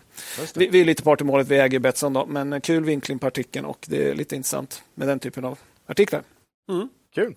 Ja, och viktigt att ha själv koll på vad man kan tänka sig och inte. Mm. Mm. Tack säger vi till vår sponsor Privata Affärer. Bolagen, vi ska försöka gå i mål här. Två kvar. Är det två kvar? Ja, det, var, det här kommer, vara de det här två kommer... bolagen vi pratade med Cavalier om också. Mm, det här kommer bli någon form av eh, rekord. Det är alltid rekord, Ola. Mm. Alltid rekord i den här podden. Någon gång ska det vara all time high. Ja. Mm. Eh, det kommer inte komma det, nära det, det, kan det, det är som i portföljen, eh, all time high. Jag, råkar, veta, jag råkar, veta, råkar, veta, var det ligger någonstans och det, det kommer vi inte greja. Då får ni, då får ni börja prata jättelångsamt. Okay. Pandora, Ola! Klas? Nej! Eller Macke. Marcus Macke kör Pandora. Kör vi laget Fina smycken att pryda kroppen med, men är den även ett smycke i portföljen? Ja, det kan man undra. undrar vi. Avsnitt 89, kan det vara så? Håller ja, men det? precis. Ja. Det här var ju ett frekvent återkommande bolag ja. i podden. Å ja. Åtta gånger har varit med. Mm. Vi blev lite bränd, vad säger man? Bränt barn skyr elden. Så är det. Vi åkte på en, en, en käftsmäll där faktiskt och sen eh, sa vi nej. Mm. Och sen kom du in. Ja. Och, och, och du kan ju ändå... Ja, jag kan inte ha det. det är ju ja. som en ny vd. Nej, det var den, det var den gamle vd. Ja. Det är inte mitt fel. Mm. Ja, nej, men de var med 89, eh, första april 2021, då, så är nästan tre år tillbaka. Mm. Det var ju specialavsnitt. Ja. Kommer du ihåg det? Eh, var det något med Danmark? Tre danska bolag. Ja. Mm. Matas, Bröderna OJ och Pandora. Mm. Ja, och det hette... vi är röda, vi är vidare. Exakt. Ja, kommer du ihåg ja. ja. Dock lite läskigt upplägg på ett, på, på ett avsnitt, ta tre danskar. Mm. Där har nog två av de aktierna gått bra och en mindre bra tror jag. Ja, sen är det lite intressant att du lovade då att återkomma till alla de här bolagen. Det har vi väl gjort förut om Pandora. Pandora. Och det gör vi nu. Bra det Marcus, det var det vad skönt. Då räddar du min heder här. ja. Nej, men eh, som sagt, då, då, sa du att det blev en värd, värdesmocka just för firman mm. eh, när den här lönsamheten sjönk ja. kraftigt. Och, och, det är precis det som du sa, att det, mm. där bränt barn skyr elden. Eh, pandemin var jättesvår för Pandora mm. eh, och deras butiker fick ju problem under, under pandemin. Eh, du sa då att eh, eh trodde på vinst per aktie på 35 Eh, danska för 2021. Vid kurs 680 så var det P 19. Lite högt men vinsten var påverkad av pandemin. Vid normalvinst P 15 ganska rimligt värderat var slutsatsen. Mm. Eh, och om den här online-transformationen lyckas så ser aktien intressant ut men firman hade inga aktier just av den anledningen att man var lite, mm. ja, lite bränd. Så att säga. Mm. Eh, Pandora har ju sen lyfts upp av Peter, bland annat mm. idag då, i podden. Ja. Från Cavalier, för de har haft det som ett jättestort innehav. Mm. Eh, men nu är det dags i kap igen. Då. Får vi se vad som har hänt sen sist. Mm. Eh, tittar man på aktiekursen då, jättevolatil. Mm. Ännu ett sånt här bolag. Då. Först efter avsnittet upp 39 procent till slutet på, på 2021. Nådde 944 danska. Jättesvagt under 2022, 62 procent ner. Kursen 62 procent ner? 62 procent ner 2022. Oh, herregud. Okay. Till 358 och sen upp som ett spjut, 180 procent till all time high. Eh, runt eh, 1009. Så att enorma svängningar i, i Mer kursen. än verksamheten antar jag? Ja, det har svängt lite i verksamheten, men inte så här mycket. Igen Helt otroligt. Okay. vi har pratat om det, Mr Market. Liksom. Det, ja, det ja. finns stora möjligheter i bolag där det kanske svänger en del underliggande, men marknaden drar ut det alldeles för mycket. Drar ut tangenten jättelångt. Liksom. Ja, men om man tittar på Pandoras lönsamhet, då, för det är det som är den stora frågan. Mm. 14 till 17 rörelsemarginal 35 procent. Ja, det kommer jag ihåg. Ja, det är superfint ja. och stabilt också ja. I, i massa år i rad. Mm. Och sen ner till 14 procent 2020. Mm. Ja, det var, det var tufft. Det var ja, tuffa tider. 35 till 14 i rörelsemarginal, det är mm. ovanligt mycket. Och när det var som svagast då för Pandora eh, så lanserade man strategin Phoenix. Mm fågeln som återföds ur askan i elden. Som den de har varit bra på att döpa sina åtgärdsprogram ändå. Ja, mm. vad var det förra hette? Du, now. now ja, ja, Phoenix är bättre, tycker jag. Mm. Men, men, ni fattar symboliken. Liksom. Ja. Eh, fyra olika delar i programmet. Då. Det första tillväxtparametern då är stärka varumärket. Pandora vill ju vara affordable luxury. Mm. Det, liksom, det ska ju vara lite lyxigt, men inte för dyrt för att, eh, för, för att inte nå en bred kundbas. Vissa satsar ju på svindyra grejer så ska bara en smal kundbas kunna äga dem. Ja. Det är inte Pandora. Nej. Och framförallt vill man även att lite yngre personer ska ha råd med produkterna. Så att säga. Tvåan är design, trean är personifiering. Jag tycker de är ganska lika. Det går ut lite grann på att man ska kombinera upp sina egna smycken. Ni vet de här belocken man kan byta lite och så, så ja. får man någonting som bara man själv har. så att säga. Eh, och fyran var att man skulle satsa på core markets, USA och Kina eh, och inte sprida ut sig på en massa geografiska marknader. För, för Kina och USA står tydligen för 50 procent av smyckesmarknaden. Oj! Och då ska man satsa där då, för det var där man fick bäst output så att säga. Och, och sedan botten då 2020 så man förbättrar marginalen ganska kraftigt. Nu är man uppe på runt 25 då istället. Mm. Så, så, så näst, nästan, nästan, du, nästan, dubbling därifrån. Mm. Eh, här anger bolaget att det beror på en lyckad implementering av Phoenix-strategin. Eh, värt att notera är också att man har ju, eh, ja, Innan förändringsprogrammet i april 2019 eh, så tog man in den här Ander, Alexander Lasik, en svensk vd då, mm. Eh, som kom in och eh, då gick Pandora i helt fel riktning och han har vänt runt där. Väldigt bra jobbat, tycker mm. vi. Peter var väl inne på att han hade ja. träffat och fått väldigt bra intryck av honom också. Ja. Och han är ju pilot också. Han har ju aktier för 228 miljoner danska. Åh oh, herregud. Det är en ganska rejäl slant. Och deras CFO Anders Boyer har aktier för 133 miljoner danska. De betalar med belocker kan jag säga. Så de har råd med det här. Ja, men det är definitivt pilotskola här i ledningen. Ja. Jösses. Så, så, det är bra. Eller så är de extremt förmögna redan från början. de behöver inte jobba egentligen. Nej. Nej, jag, jag, tror faktiskt att eh, nu har det gått bra på slutet också. Då, då blir det lite mer pengar i, mm, jo, i plånboken. Eller i, på aktiekontot. Men kul, då vågar man eh, sätta, mm. sätta in pengar här. Ja, eh, om man kollar under, under 2023, då, vid Q1 så trodde man på en organisk tillväxt på minus 3 till plus 3 för året. Då. Eh, ja, ungefär noll tänkte man. Men sen har man höjt det här löpande flera gånger under året. Då. Vid Q3 så trodde man på 5 till 6 procent plus istället. Mm. Men det, det räckte inte. För 7 januari så gick man ut med en vinstuppjustering. Mm. Eh, och då meddelade man att det blev 8% på hela året för det var hela 12 organisk tillväxt i Q4. Så man har liksom stärkt momentum under hela året ja. löpande. Så att säga. Bra gjort alltså. Så, så man går in i liksom en bra eh, momentum in i 2024. Då, så att säga. Och man sa, hänvisar den här vinstuppjusteringen till att det gick bra under Black Friday och julhandeln. Det är inte alla andra som har sagt att det var väldigt bra i julhandeln. Nej. Eh, nu, nu, nu, har man ju största marknaden som sagt eh, inte Sverige. Då. Sverige har varit svagt över, överlag. Ja. Eh, Pandora sa också att man klarar prognosen för rörelsemarginalen på 25 procent tack vare 34 procent i Q, Q4. Det är 1,5 procent högre än Q4 förra året och positivt trendbrott. Då, för att under Q1 till Q3 så låg man 1,5 till 2 procent lägre än föregående år, motsvarande kvartal föregående år. Då, så. Mm. Så man, man har ett väldigt fint momentum här inne i 2024. Snyggt. Man hade en kapitalmarknadsdag i oktober 2023. Eh, presentationen finns på hemsidan. Ta och kolla på den om man är intresserad av bolaget. Här sa man att Pandora har uppnått de målen som man har satt fram till 2023 och därför går man nya mål. Det är snyggt man når och sätter nya. Nu satte man till 2026. Man säger att årlig organisk tillväxt 7-9 procent eh, och att man ska ha en marginal på 26-27 procent. Eh, det ger då ungefär Eh, man ska ha en omsättning på 34 till 35 miljarder och rörelsevinst 8,8 till 9,7. I mitten hamnar man då på 26,4 procent i marginal. Eh, sammantaget ökning av vinst per aktie med mid to high teens. Vet, vi håller på med de här mid to high, ja det är väl 15 till 17 då kanske. Mm. Eh, om, man, om man gissar på att ungefär samma finansnetto 26 som idag som en vinst per aktie på 81, 81 danska ungefär. Ja. Eh, då har jag räknat med att man makulerar de aktierna man har åtköpt idag men inte åtköper något mer. Och det är nog inte säkert, för här kommer man in på en stor aspekt med caset. Vi var väl inne på det här med Peter, eh, återköpen. Alltså, bolaget hade 2014 130 miljoner aktier. Idag har man 89, mm. 31 procent ner. Men man har 7 miljoner återköpta till. Makulerar man bort dem så har man 37 procent färre aktier. Mm. Eh, det här är ju Swedish Match-nivå på de här återköpen. Ja. Och Det här gör skillnad i nyckeltalen. Tittar man på att vinsten 2017 var 7,8 miljarder på rörelsevinsten, för då hade man 35 procent i rörelsemarginal. Ja. Vinst per aktie 52 kronor, norsk, eh, danska såklart.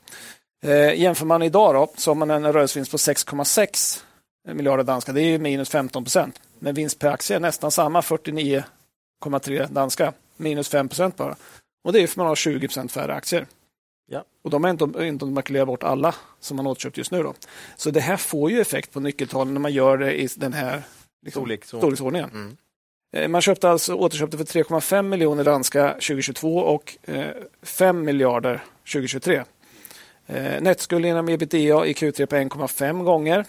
Eh, det är inte galet högt ändå. Eh, helåret räknar man med att man ska ligga på 1,2 gånger. Q4 kommer här 7 februari, kan man kolla vad det blev. Då.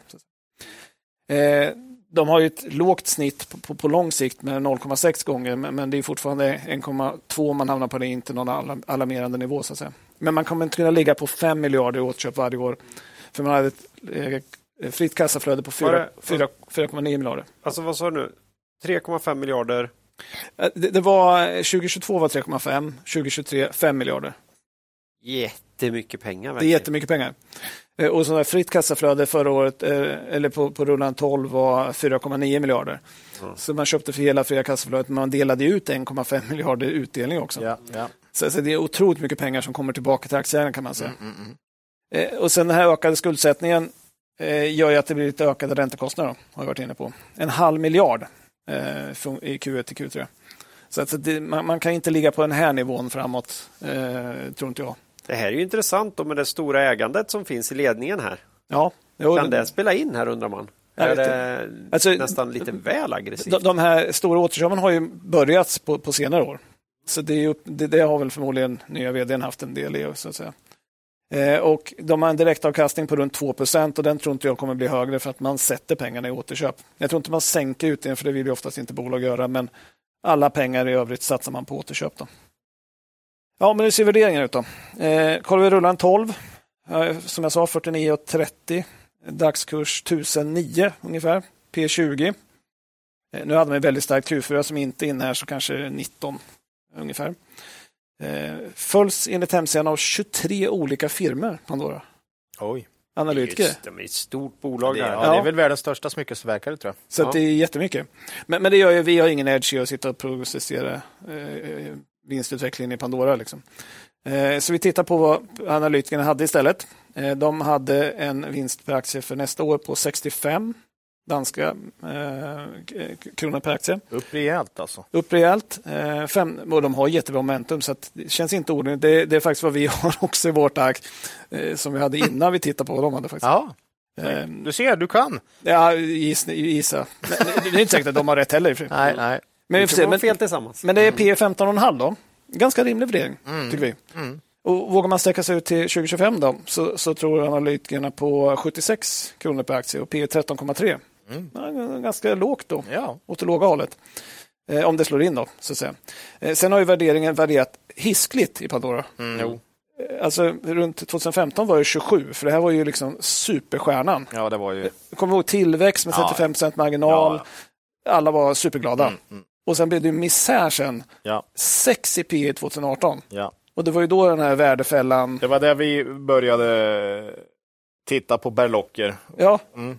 Mm. Så, så, att det, det har ju en enorm skillnad. Liksom. Mm. Men snittet är 15,5.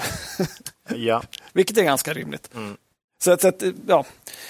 Pandora har gjort det jättebra på slutet. Fortsätter de på den här banan, når sina de här långa målen, ja, definitivt intressant. Men vi hittar inte riktigt margin of safety i dagsläget. Vi tycker det är ganska rimligt värderat helt enkelt. Eh, så, så, vi har inga aktier idag. Men, men, jag förstår att man, det finns en hel del att gilla med caset. Ja. Och de har gjort det jättebra på slutet. En liten risk bara när man läste, det, det, man pratar väldigt mycket om tillväxt i antal butiker. Mm. Eh, när ni hade uppe förra gången så pratade ni om att man kan växa online väldigt mycket. Ja, det var mycket det man snackade om då vet jag. Ja, men nu kör man butiker istället. Okay. Helst skulle man väl se RVRC-style, att man växte liksom, online, online, istället. Det är mer skalbart känns det som. Så att, men de har gjort det fantastiskt bra. Eh, men vi tycker ganska rimligt värderat i mm. nuläget. Ja, men de verkar, det verkar funka riktigt bra för att mm. vara i butik. Så att...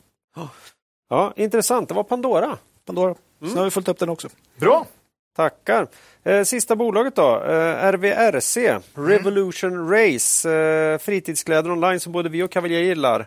150 senast här, så det var inte så länge sedan. Men de har kanske bara varit med en gång tror jag innan. Ja, en, en liten uppföljning här då. Mm. Eh, släppte ju sin Q2 här. De har brutet, ska jag säga här då. Mm. Så oktober till december är ju deras Q2. Eh, mm. är det ju. Eh, omsättning plus 20 procent. Det är bra. I lokal valuta plus 15. Eh, justerad ebit-marginal steg från 23,0 till 23,8. Så lite upp. Justerat ebit ökade med 25 procent. Vet du hur man justerar för? Eller? Eh, det var förra året tror jag det var någon, okay. någon post. Eh, lite i år kanske, men inte mycket. Eh, fortsatt bra leverans här, får man ju säga. Eh, här fick ju vi en liten... Här hittade vi en möjlighet när den var ganska hatad ett tag här. Mm. Eh, men eh, man levererar väldigt bra just nu och fortsätter trumma på bra faktiskt. Och Det är väl tipsen vi pratat om. De, de, var ju extremt högt värderade när de kom in, ja. fick problem, gick ner till en nivå där det liksom, folk blev jävligt sura. Ja. Sen kom det några bra rapporter, mm. det gick upp lite grann och där hittade vi en ingång. Ja. Inte längst på botten nej, utan nej. efter en liten bit upp. Eh, man säger att man levererar fortsatt tillväxt i samtliga regioner. Den här internationella expansionen fortsätter driva tillväxt där man rör sig utåt på fler marknader eh, och man ökar omsättningen på dem. Men även Norden här gick ju faktiskt, växte här. Nästan överraskande bra. Ja, faktiskt. Så det är snyggt där. Eh, och trots den här tillväxten då, man har ju en fin tillväxt, ja, man jobbar som ett tillväxtbolag så är lagernivån faktiskt i slutet av Q2 här lägre än i motsvarande föregående år, trots att omsättningen är högre. Då. Eh, starkt kassaflöde säger väl också det att man eh, levererade ut mycket. Mm. Lagret är mindre. Eh, vid utgången av Q2 hade man en nettokassa på 340 miljoner. Mm. Nej, det är ett fint bolag det här, inget snack om den saken. Eh, rapporten kom in nästan prick på våra förväntningar, både vad gäller omsättning och resultat. Då stod väl aktien still? Va? Nej, det Nej. gjorde den inte. Eh, aktien öppnade upp nästan 10 procent. Sen ner till minus 5 efter 20 minuter. Och så stängde den plus 5. Ja. Här hade marknaden inte liksom någon någon samsyn direkt. Sånt Eller... är ganska fascinerande faktiskt. Ja, verkligen. Det är inget behov att åka till Liseberg i sommar när man räcker att bara vara med på börsen Nej. här. För att, och, och särskilt vårt perspektiv på en rapport som kom in ungefär på ja, Rapporten var dock liksom. en bra bit över pinpoint-estimaten. Okay. Mm. Uh, så om det var förväntningarna och vi låg över, ja då kanske den skulle upp, men sen ner till minus fem. Vad var det för rörelse? Ja, uh, ja jag vet inte. Nej. Men eh, kändes som att marknaden var lite oense där på något mm. sätt. En intressant sak som kom fram i rapporten, det var, det var egentligen inga konstigheter alls i den här rapporten tycker inte jag. Eh, väldigt clean så, men en intressant sak som kom fram i rapporten var att man avser kommunicera nya finansiella mål innan de gamla går ut här. Mm. Och de går ut i juni i år. Alltså när deras bokslutsår slutar då. Eh, Det är inte så långt bort. Det är inte långt bort. Först och främst är frågan, når man verkligen de gamla här då? 2 miljarder i omsättning innevarande bokslutsår har man ju haft. Kräver 35 procent tillväxt under de två sista kvartalen. Oj. Och nu låg den på 20 i Q2, i lokal plus 15. Eh, det känns riktigt tufft faktiskt. Men det är inte jättehögkonjunktur direkt. Nej. Inte. Jag, jag, jag sträcker mig inte så långt som till Etteplan där jag sa att man måste vara lite, Loco. lite galen mm. för att tro på det. Men, men nästan faktiskt här. Det, det, det, känns orimligt faktiskt, måste jag säga. Men, men ja, då ska det till riktigt starkt. Eller förvärv kanske? Eller får man ha Nej, jag eller? tror inte. Och vad ska de förvärva? De, ja, ja, jag vet inte. Nej. Så att jag tänker att det är organiskt liksom. Nya geografier kanske? Eh, dessutom säger man ju att Q3 har börjat med samma tillväxt som Q2. Det är ju bra, men inte acceleration. Nej, det är inte 35 då. Nej. nej. Så att, nej, det känns inte som man når dit. Eh, men samtidigt, man når kanske inte, man, det är ett mål. Man har försökt nå dit, man har kommit ganska långt. Det har varit tuffa, mm. en tuff period nu. Verkligen. Får man säga. Så man har ändå gjort det bra.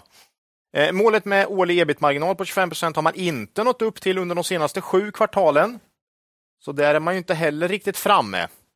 Eh, men det tror jag är ett rimligt långsiktigt mål faktiskt. Eh, 25 procent ebit-marginal, så, så det kan man säkert hålla.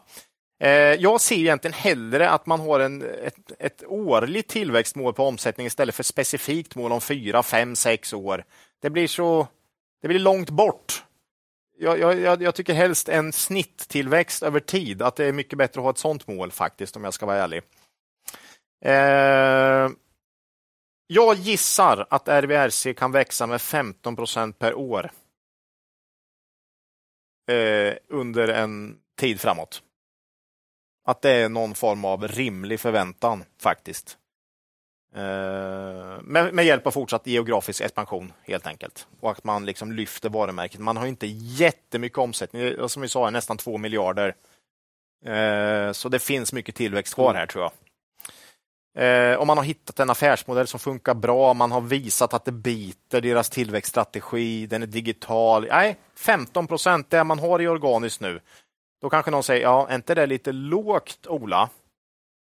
Är det inte det, Ola? Ja, det kan det vara. Det kan det vara, ja. Eh, för nu är det ju inga toppentider. Nej. Men samtidigt, man blir större och större och ni vet det här va? Eh, men visst, om jag sitter och, och, och, och battlar med någon angående det här och de säger 20, då har jag ju svårt att, att värja mig. va? Mm. Men någonstans där. Jag, jag gissar på 15, över, säg 5-10 år framåt. Ungefär. Då får vi se vad de säger. Om Men man kan ju också konstatera att Eh, geografiskt är de ju inte jätteväl spridda, så kan de få penetration på någon ny marknad så kan det ju gå fort. 40 marknader har de, 40 mm. länder, men många är ju ganska nya, mm. de är ganska små mm. där, så att det kan gå väldigt fort. Det skulle kunna vara så att de växer med 20 procent per år i 5-10 år till. De, de, har väl breddat segmenten också med alpin och massa ja, såna grejer, ja. så, så de kan ju bli bredare ja, det, så också. Så det är inte orimligt att de släpper de här finansiella målen och säger 20 procent per år. Vi får se. Mycket spännande. Eh, det här är ett bolag som jag tycker ska ha hög värdering. De växer fort, de är lönsamma, de har nettokassa. För innevarande bokföringsår då, som slutar nu i sommar, så gissar jag på 3 kronor per aktie mm. i vinst. På kurs 65, P 21, 22 ungefär. Har du dragit iväg en del? Ja, eh, när vi köpte in aktien på 35 kronor här i somras, eh, då var ju, hade den varit kvar där nu, då hade det varit P12. Det är lite skillnad. Eh, men det är faktiskt en ganska stor skillnad på 35 och 65 kronor i aktiekurs. Närmare bestämt typ 80 procent mm. upp på ett halvår. Så den här aktien har ju gått fruktansvärt starkt. Från oälskad till älskad? Ja, på ett halvår. Mm. Eh, gillar verkligen det här bolaget, tror det kan fortsätta leverera, men vi är nöjda här. Vi har sålt våra aktier. Eh, det kanske inte kom som någon överraskning. Det, det, det sa vi? Ja, nej, jag tror inte vi har sagt det förut faktiskt. Eh, att vi har sålt våra aktier här. Men, eh, okay, men äh, P20, vi brukar liksom inte vara med där. Nej. Och så även nu. Men P20 kan mycket väl vara motiverat här. Mm. Med den här tillväxten. Så, så ja, nej, fint bolag, bra leverans. Eh, Inderes, som du hade uppe här nyss, mm. som du pratade om, de gjorde en intervju med vd Paul Fishbein igår kan man kolla på om man vill få lite mer kött på benen så att säga. Mm. Eh, Sånt är bra intervjuer. Det, det är ofta dyker upp några guldkorn som man kan plocka ja. upp. Eh, och, och, om jag ska ta det mest intressanta från den intervjun tyckte jag och kanske var att mellan raderna så drog han nog ner förväntningar på att de skulle nå sina mål. Här också. Okay. så att eh, bara en sån grej. Det, det känns som att eh, han redan börjar försvara sig lite. För han att... krattar manegen för... Ja, ja. Mm. Men, eh, men det kan ju vara så att när de inte når målet så presterar de ett jättefint ja, nytt mål och, och så händer... bryr sig inte folk om det gamla. Nej, det händer ju jätteofta, har man sett många gånger, att liksom, man når inte upp, men och så lite i förväg ja. kanske man släpper så att man liksom kommer bort ifrån det där och så tänker man bara på 2027. Jag ska inte kolla på det gamla. Nej, nej, nej. det var ju det gamla målet. Nu ja. har vi nya. Nu är det nya mål. Ja.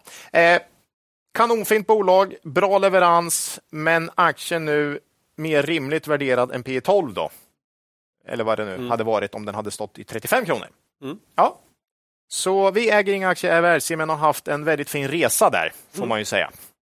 Eh, sista halvåret. Vi tackar för den. Tack för den. Tack. Mm. Ja, det var alla bolag. Ja. ja. Eh, kommer du ihåg att vi hade en tävling i förra avsnittet? Eh, det hade vi ja, det hade vi ja. ja med Pinpoint. Just det. För vi har återigen, glädjande med vår sponsor Pinpoint Estimates. Det är en gratis estimattjänst för, eh, där alla typer av investerare kan gå in och lämna sina estimat inför en kvartalsrapport. Oerhört intressant att se vad, vad andra tror faktiskt. Mm. Mm. Och igen en tjänst som blir bättre ju fler som använder den. Ja, ja. både kvartal eh, och räkenskapsår. Här då. Mm. Eh, och varför ska alla ha ett konto här? Jo, för när man lämnar sin estimat då får man se pin, Pinpoints konsensus av alla andra investerare som också lämnat sina estimat. Vad ska man ha med estimaten till då kan man undra? Ja, det är ju en benchmark för vad marknaden förväntar sig för omsättning eller resultat inför en enskild rapport. Mm. Eller för ett år eller flera år framåt i tiden numera. Då. Eh, ja, och eh, aktiens pris bestäms av förväntningar på framtida bolagsvinster. Mm. Det såg vi på Not till exempel. Mm. Ja, och på RVRC. Den var ju upp 10 mm. procent här direkt mm. och det var ju över. Mm. Förvänt så, så att ja. det ligger något. Och dessutom har de en algoritm va? Mm. Som, eh, som på något sätt också tar hänsyn till hur, hur duktig man har varit tidigare. Ja. ja. Mm. Och tar bort uh, crazy, Outli crazy, crazy ja. stuff. Mm. mm. Men, men generellt sett tycker vi också att det är bra om en sån här tjänst funkar och får spridning. Ja. För ju, ju, fler som använder desto bättre är den som sagt. Så det är bra om så många som möjligt gör det. finns ju någon föregångare i USA med väldigt mm. många användare tror jag. Wisdom of the crowd. Ja. ja. Mm. Eh, vi brukar själva ofta lämna estimat här, inte minst då för att vi vill ta del av konsensusestimaten. Ja. Mm. Eh, och den här tävlingen vi utlyste i förra avsnittet då, eh, var ju både för nya och gamla användare av, eh, av, av Pinpoint. Eh, och då skulle man passa på att lämna estimat för tre helår framåt. För det kan man göra nu. Eh, och vi kan nu avslöja att vinnaren är investeraren med användarnamnet eh, Casano99. Mm. Estimerad på Aligo här. Grattis till honom. Trogen lyssnare av podden. Mm -hmm. Har fått reda på. Vad kul. Den här stackaren får ju då ett nedklottrat ex av the most important thing på posten. Nej, det är tufft. Det är tufft. Grattis. Det är hårt. Då. Det är hårt. Grattis säger vi till dig. Mm. Eh, rapportsäsongen är ju då fortfarande i full gång, så det är ett gyllene läge att testa estimatfunktionen om man inte redan gjort det. Ja, ja. Och eh, vi vill också berätta att Pinpoint nu möjliggjort eh, för alla att estimera och se estimat på finska kvalitetsbolag. Snyggt. Scanfil, Harvia, Tokmanni, Etteplan kanske. Ja. Eh, såg att det inte var jättemånga som hade lämnat det än, så det kanske man vill. Tack säger vi till vår sponsor Pinpoint. Vi närmar oss ju slutet för det här poddavsnittet. Ja, redan. Mm. Redan? Nästa avsnitt, num nummer 161, kommer mm. ut torsdag den 15 februari. Mm. Då kan jag säga att då blir det rapportkommentarer. Det blir det bara. bara. Nu, är, nu är det slut på nya bolag på ja. ett tag. Det blir, det, det, nu, nu, går vi in i någon form av högsäsong för rapporterna. Fram, nästa vecka är ju en, eh, ett gytter. Ja, mm. Mm. Så, är det. Eh, så är det. Man kan eh, mejla oss på kontaktet kvalitetsaktiepodden.se eller kommentera på X eller på vår hemsida kvalitetsaktiepodden.se. Ja, slutligen då, har ni någon riktig makro eller TA värt att ta upp idag? Nej, tomt idag. Nej, det är inte mycket idag. Inget? Nej. Har du något kul? Ja, du har det? Ja, jag tänkte att det var så långt redan, va? Mm. så att jag kör. Okay. Jag stötte på en helt fantastisk eh, liten journalistisk pärla. Mm -hmm. Det här är alltså i Sveriges största dagstidning DN. Jaha, jag trodde du skulle säga Eh, Smålands Allehanda? Nej. nej. jag gillar ju Facebookgruppen Lokaltidningsbesvikelser jättemycket. Mm. Där, där man bara får en rubrik då. Ja. Som bara... Det måste jag erkänna, den visste inte jag fanns. Ja. Men, ja. Eh, och det är sällan som DN, som jag läser dagligen, kan stå upp i kampen här mm. mot de här lokaltidningsbesvikelserna. Men i lördags mm. upptäckte, jag, upptäckte jag under ekonomidelen artikeln med rubriken allt fler utan kontanter. Karin fick ställa in skidresan. Har det med Loomis att göra? Eller? Nej. Ja, man skulle kunna tro det. Mm. Det här är en otroligt stark berättelse om lantbrukaren Karin mm. som tidigt en morgon ger sig iväg från gården i Köping. Då. Hon har till och med ordnat med en inhoppare för sina sex kor. Mm. Och, och, redan här blir det ju, jag som gammal bondson, då, blir det roligt. Då. Mm. Eh, Karin kan mycket väl driva ett lantbruk, men sex kor det är ju en, kost, med en kostsam hobby. Mm. en, ja. en, en, en näringsverksamhet. Då. Det är inte så de här stora ryska... Eh... så, så, men det kanske inte var lika, det kanske var, inte var så kul att skriva att eh, det, det, här är någon slags, eh, ja, att, att, det bedrivs någon odling här eller att det är någon skogsfastighet eller så. Utan, nej, nej. nej. Eh, hur som helst, Karin hon lastar in sig själv, sonen och dennes flickvän i bilen för att ge sig iväg då en, en lördagmorgon här, tidigt en lördag. Ge sig ut på en två timmars färd till Romme alpin. Mm. Det har blivit populärt på senare år. Mm. Eh, och eh, här tänker man ju sig då, med vetskap om den här rubriken, mm. att hon efter två timmar då eh, ska komma fram till Romme då, men på grund av något bankstrul här då omöjligen kunna lösa ut liftkort. Typ ja. På något rimligt sätt mm. och därefter då tvingas köra de här två timmarna hem utan att få åka några skidor. Då. Mm. Och, och det här skulle kunna vara ganska jobbigt ju. Ja. K kanske värt en artikel i DN. Mm. I lokalblaskan? Ja, i lokal, men kanske, ja. ja. Och det skulle kunna vara om, om, om Rom inte kunnat lösa detta. Mm. Hon har försökt, men nej, fakturera, fakturera, det kan vi inte göra. Finns det något annat? Kan jag få komma och betala i efterhand? Vi, nej, nej, du, nej, det ska vara cash. Det nej. blir inget. Nej, men det är inte det som hände här. Nähe. Nej. Utan det visar sig snabbt i artikeln att Karin då, hon kom ju inte speciellt långt i jakten på den här, de här nypistade slalombackarna.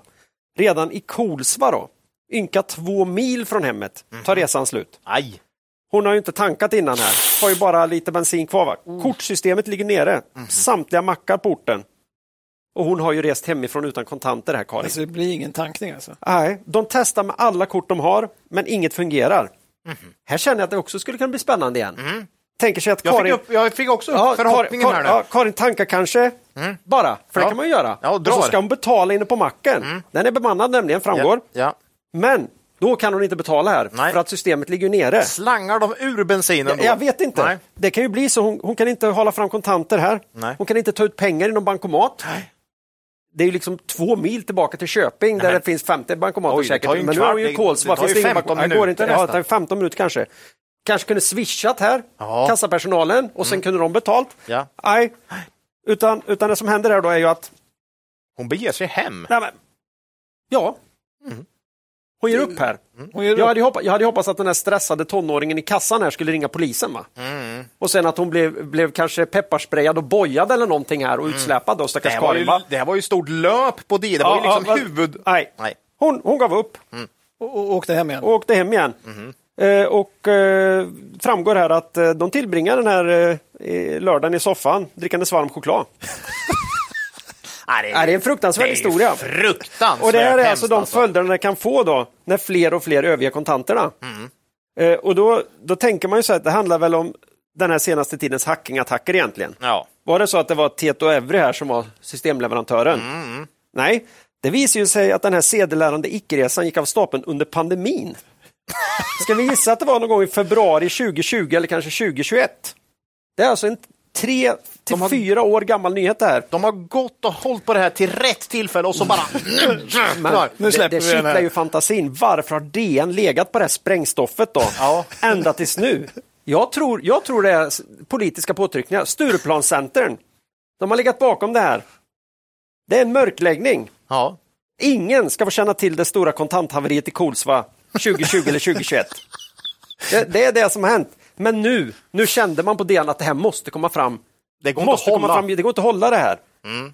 Ja, så, så det var Vart i tidningen var det? Var det på löpet också? Eller nej? nej, det var det nog inte. Det var, det var nog inte på löpet. Men, men, men, för nu är det många som undrar, men hur gick det för stackars Karin? Ja, det, var ju, det är ju tragiskt. Hon fick, fick hon någonsin komma till Romme? Ja. Jo, nästa dag. Ah, då ja, för att ja. då gjorde de ett nytt försök att tanka med kort och då gick det. Då gick det så ja. då åkte de upp och hade en härlig ja. dag. Ja. En härlig dag i Rom och det finns bildbevis också på det här. Jaha. Man får se henne i, både i, i backen och med kossorna här. Ja, men, eh, nej. och Men jag tänker att hon brände tungan lite på den här varma chokladen. Det var, lite, det var jobbig eftermiddag. Det, det var jobbigt. en till artikel Det var oerhört jobbig eftermiddag. Ja, för man skulle kunna ändå känna här, mm. den här händelsen som var i Kolsva den här morgonen, mm. är inte det någon slags digitalt övergrepp ändå? Jo. Som Karin kanske var utsatt för. Mm. Skulle hon inte behöva kompenseras på något sätt? Någon form av ersättning. Ja, det framgår också här av artikeln då Aha. att hon hörde faktiskt av sig till eh, banken mm. om det här ja. och fick en mindre ekonomisk ersättning Nej. för besväret. Oj. Jag gissar i kontanter. för, för, att hon fick åka en annan dag helt enkelt. Oj. Tack säger jag till DN för den här härliga artikeln. Jag satt och småskrattade och tänkte, är, är, är, det, första, är det här på riktigt?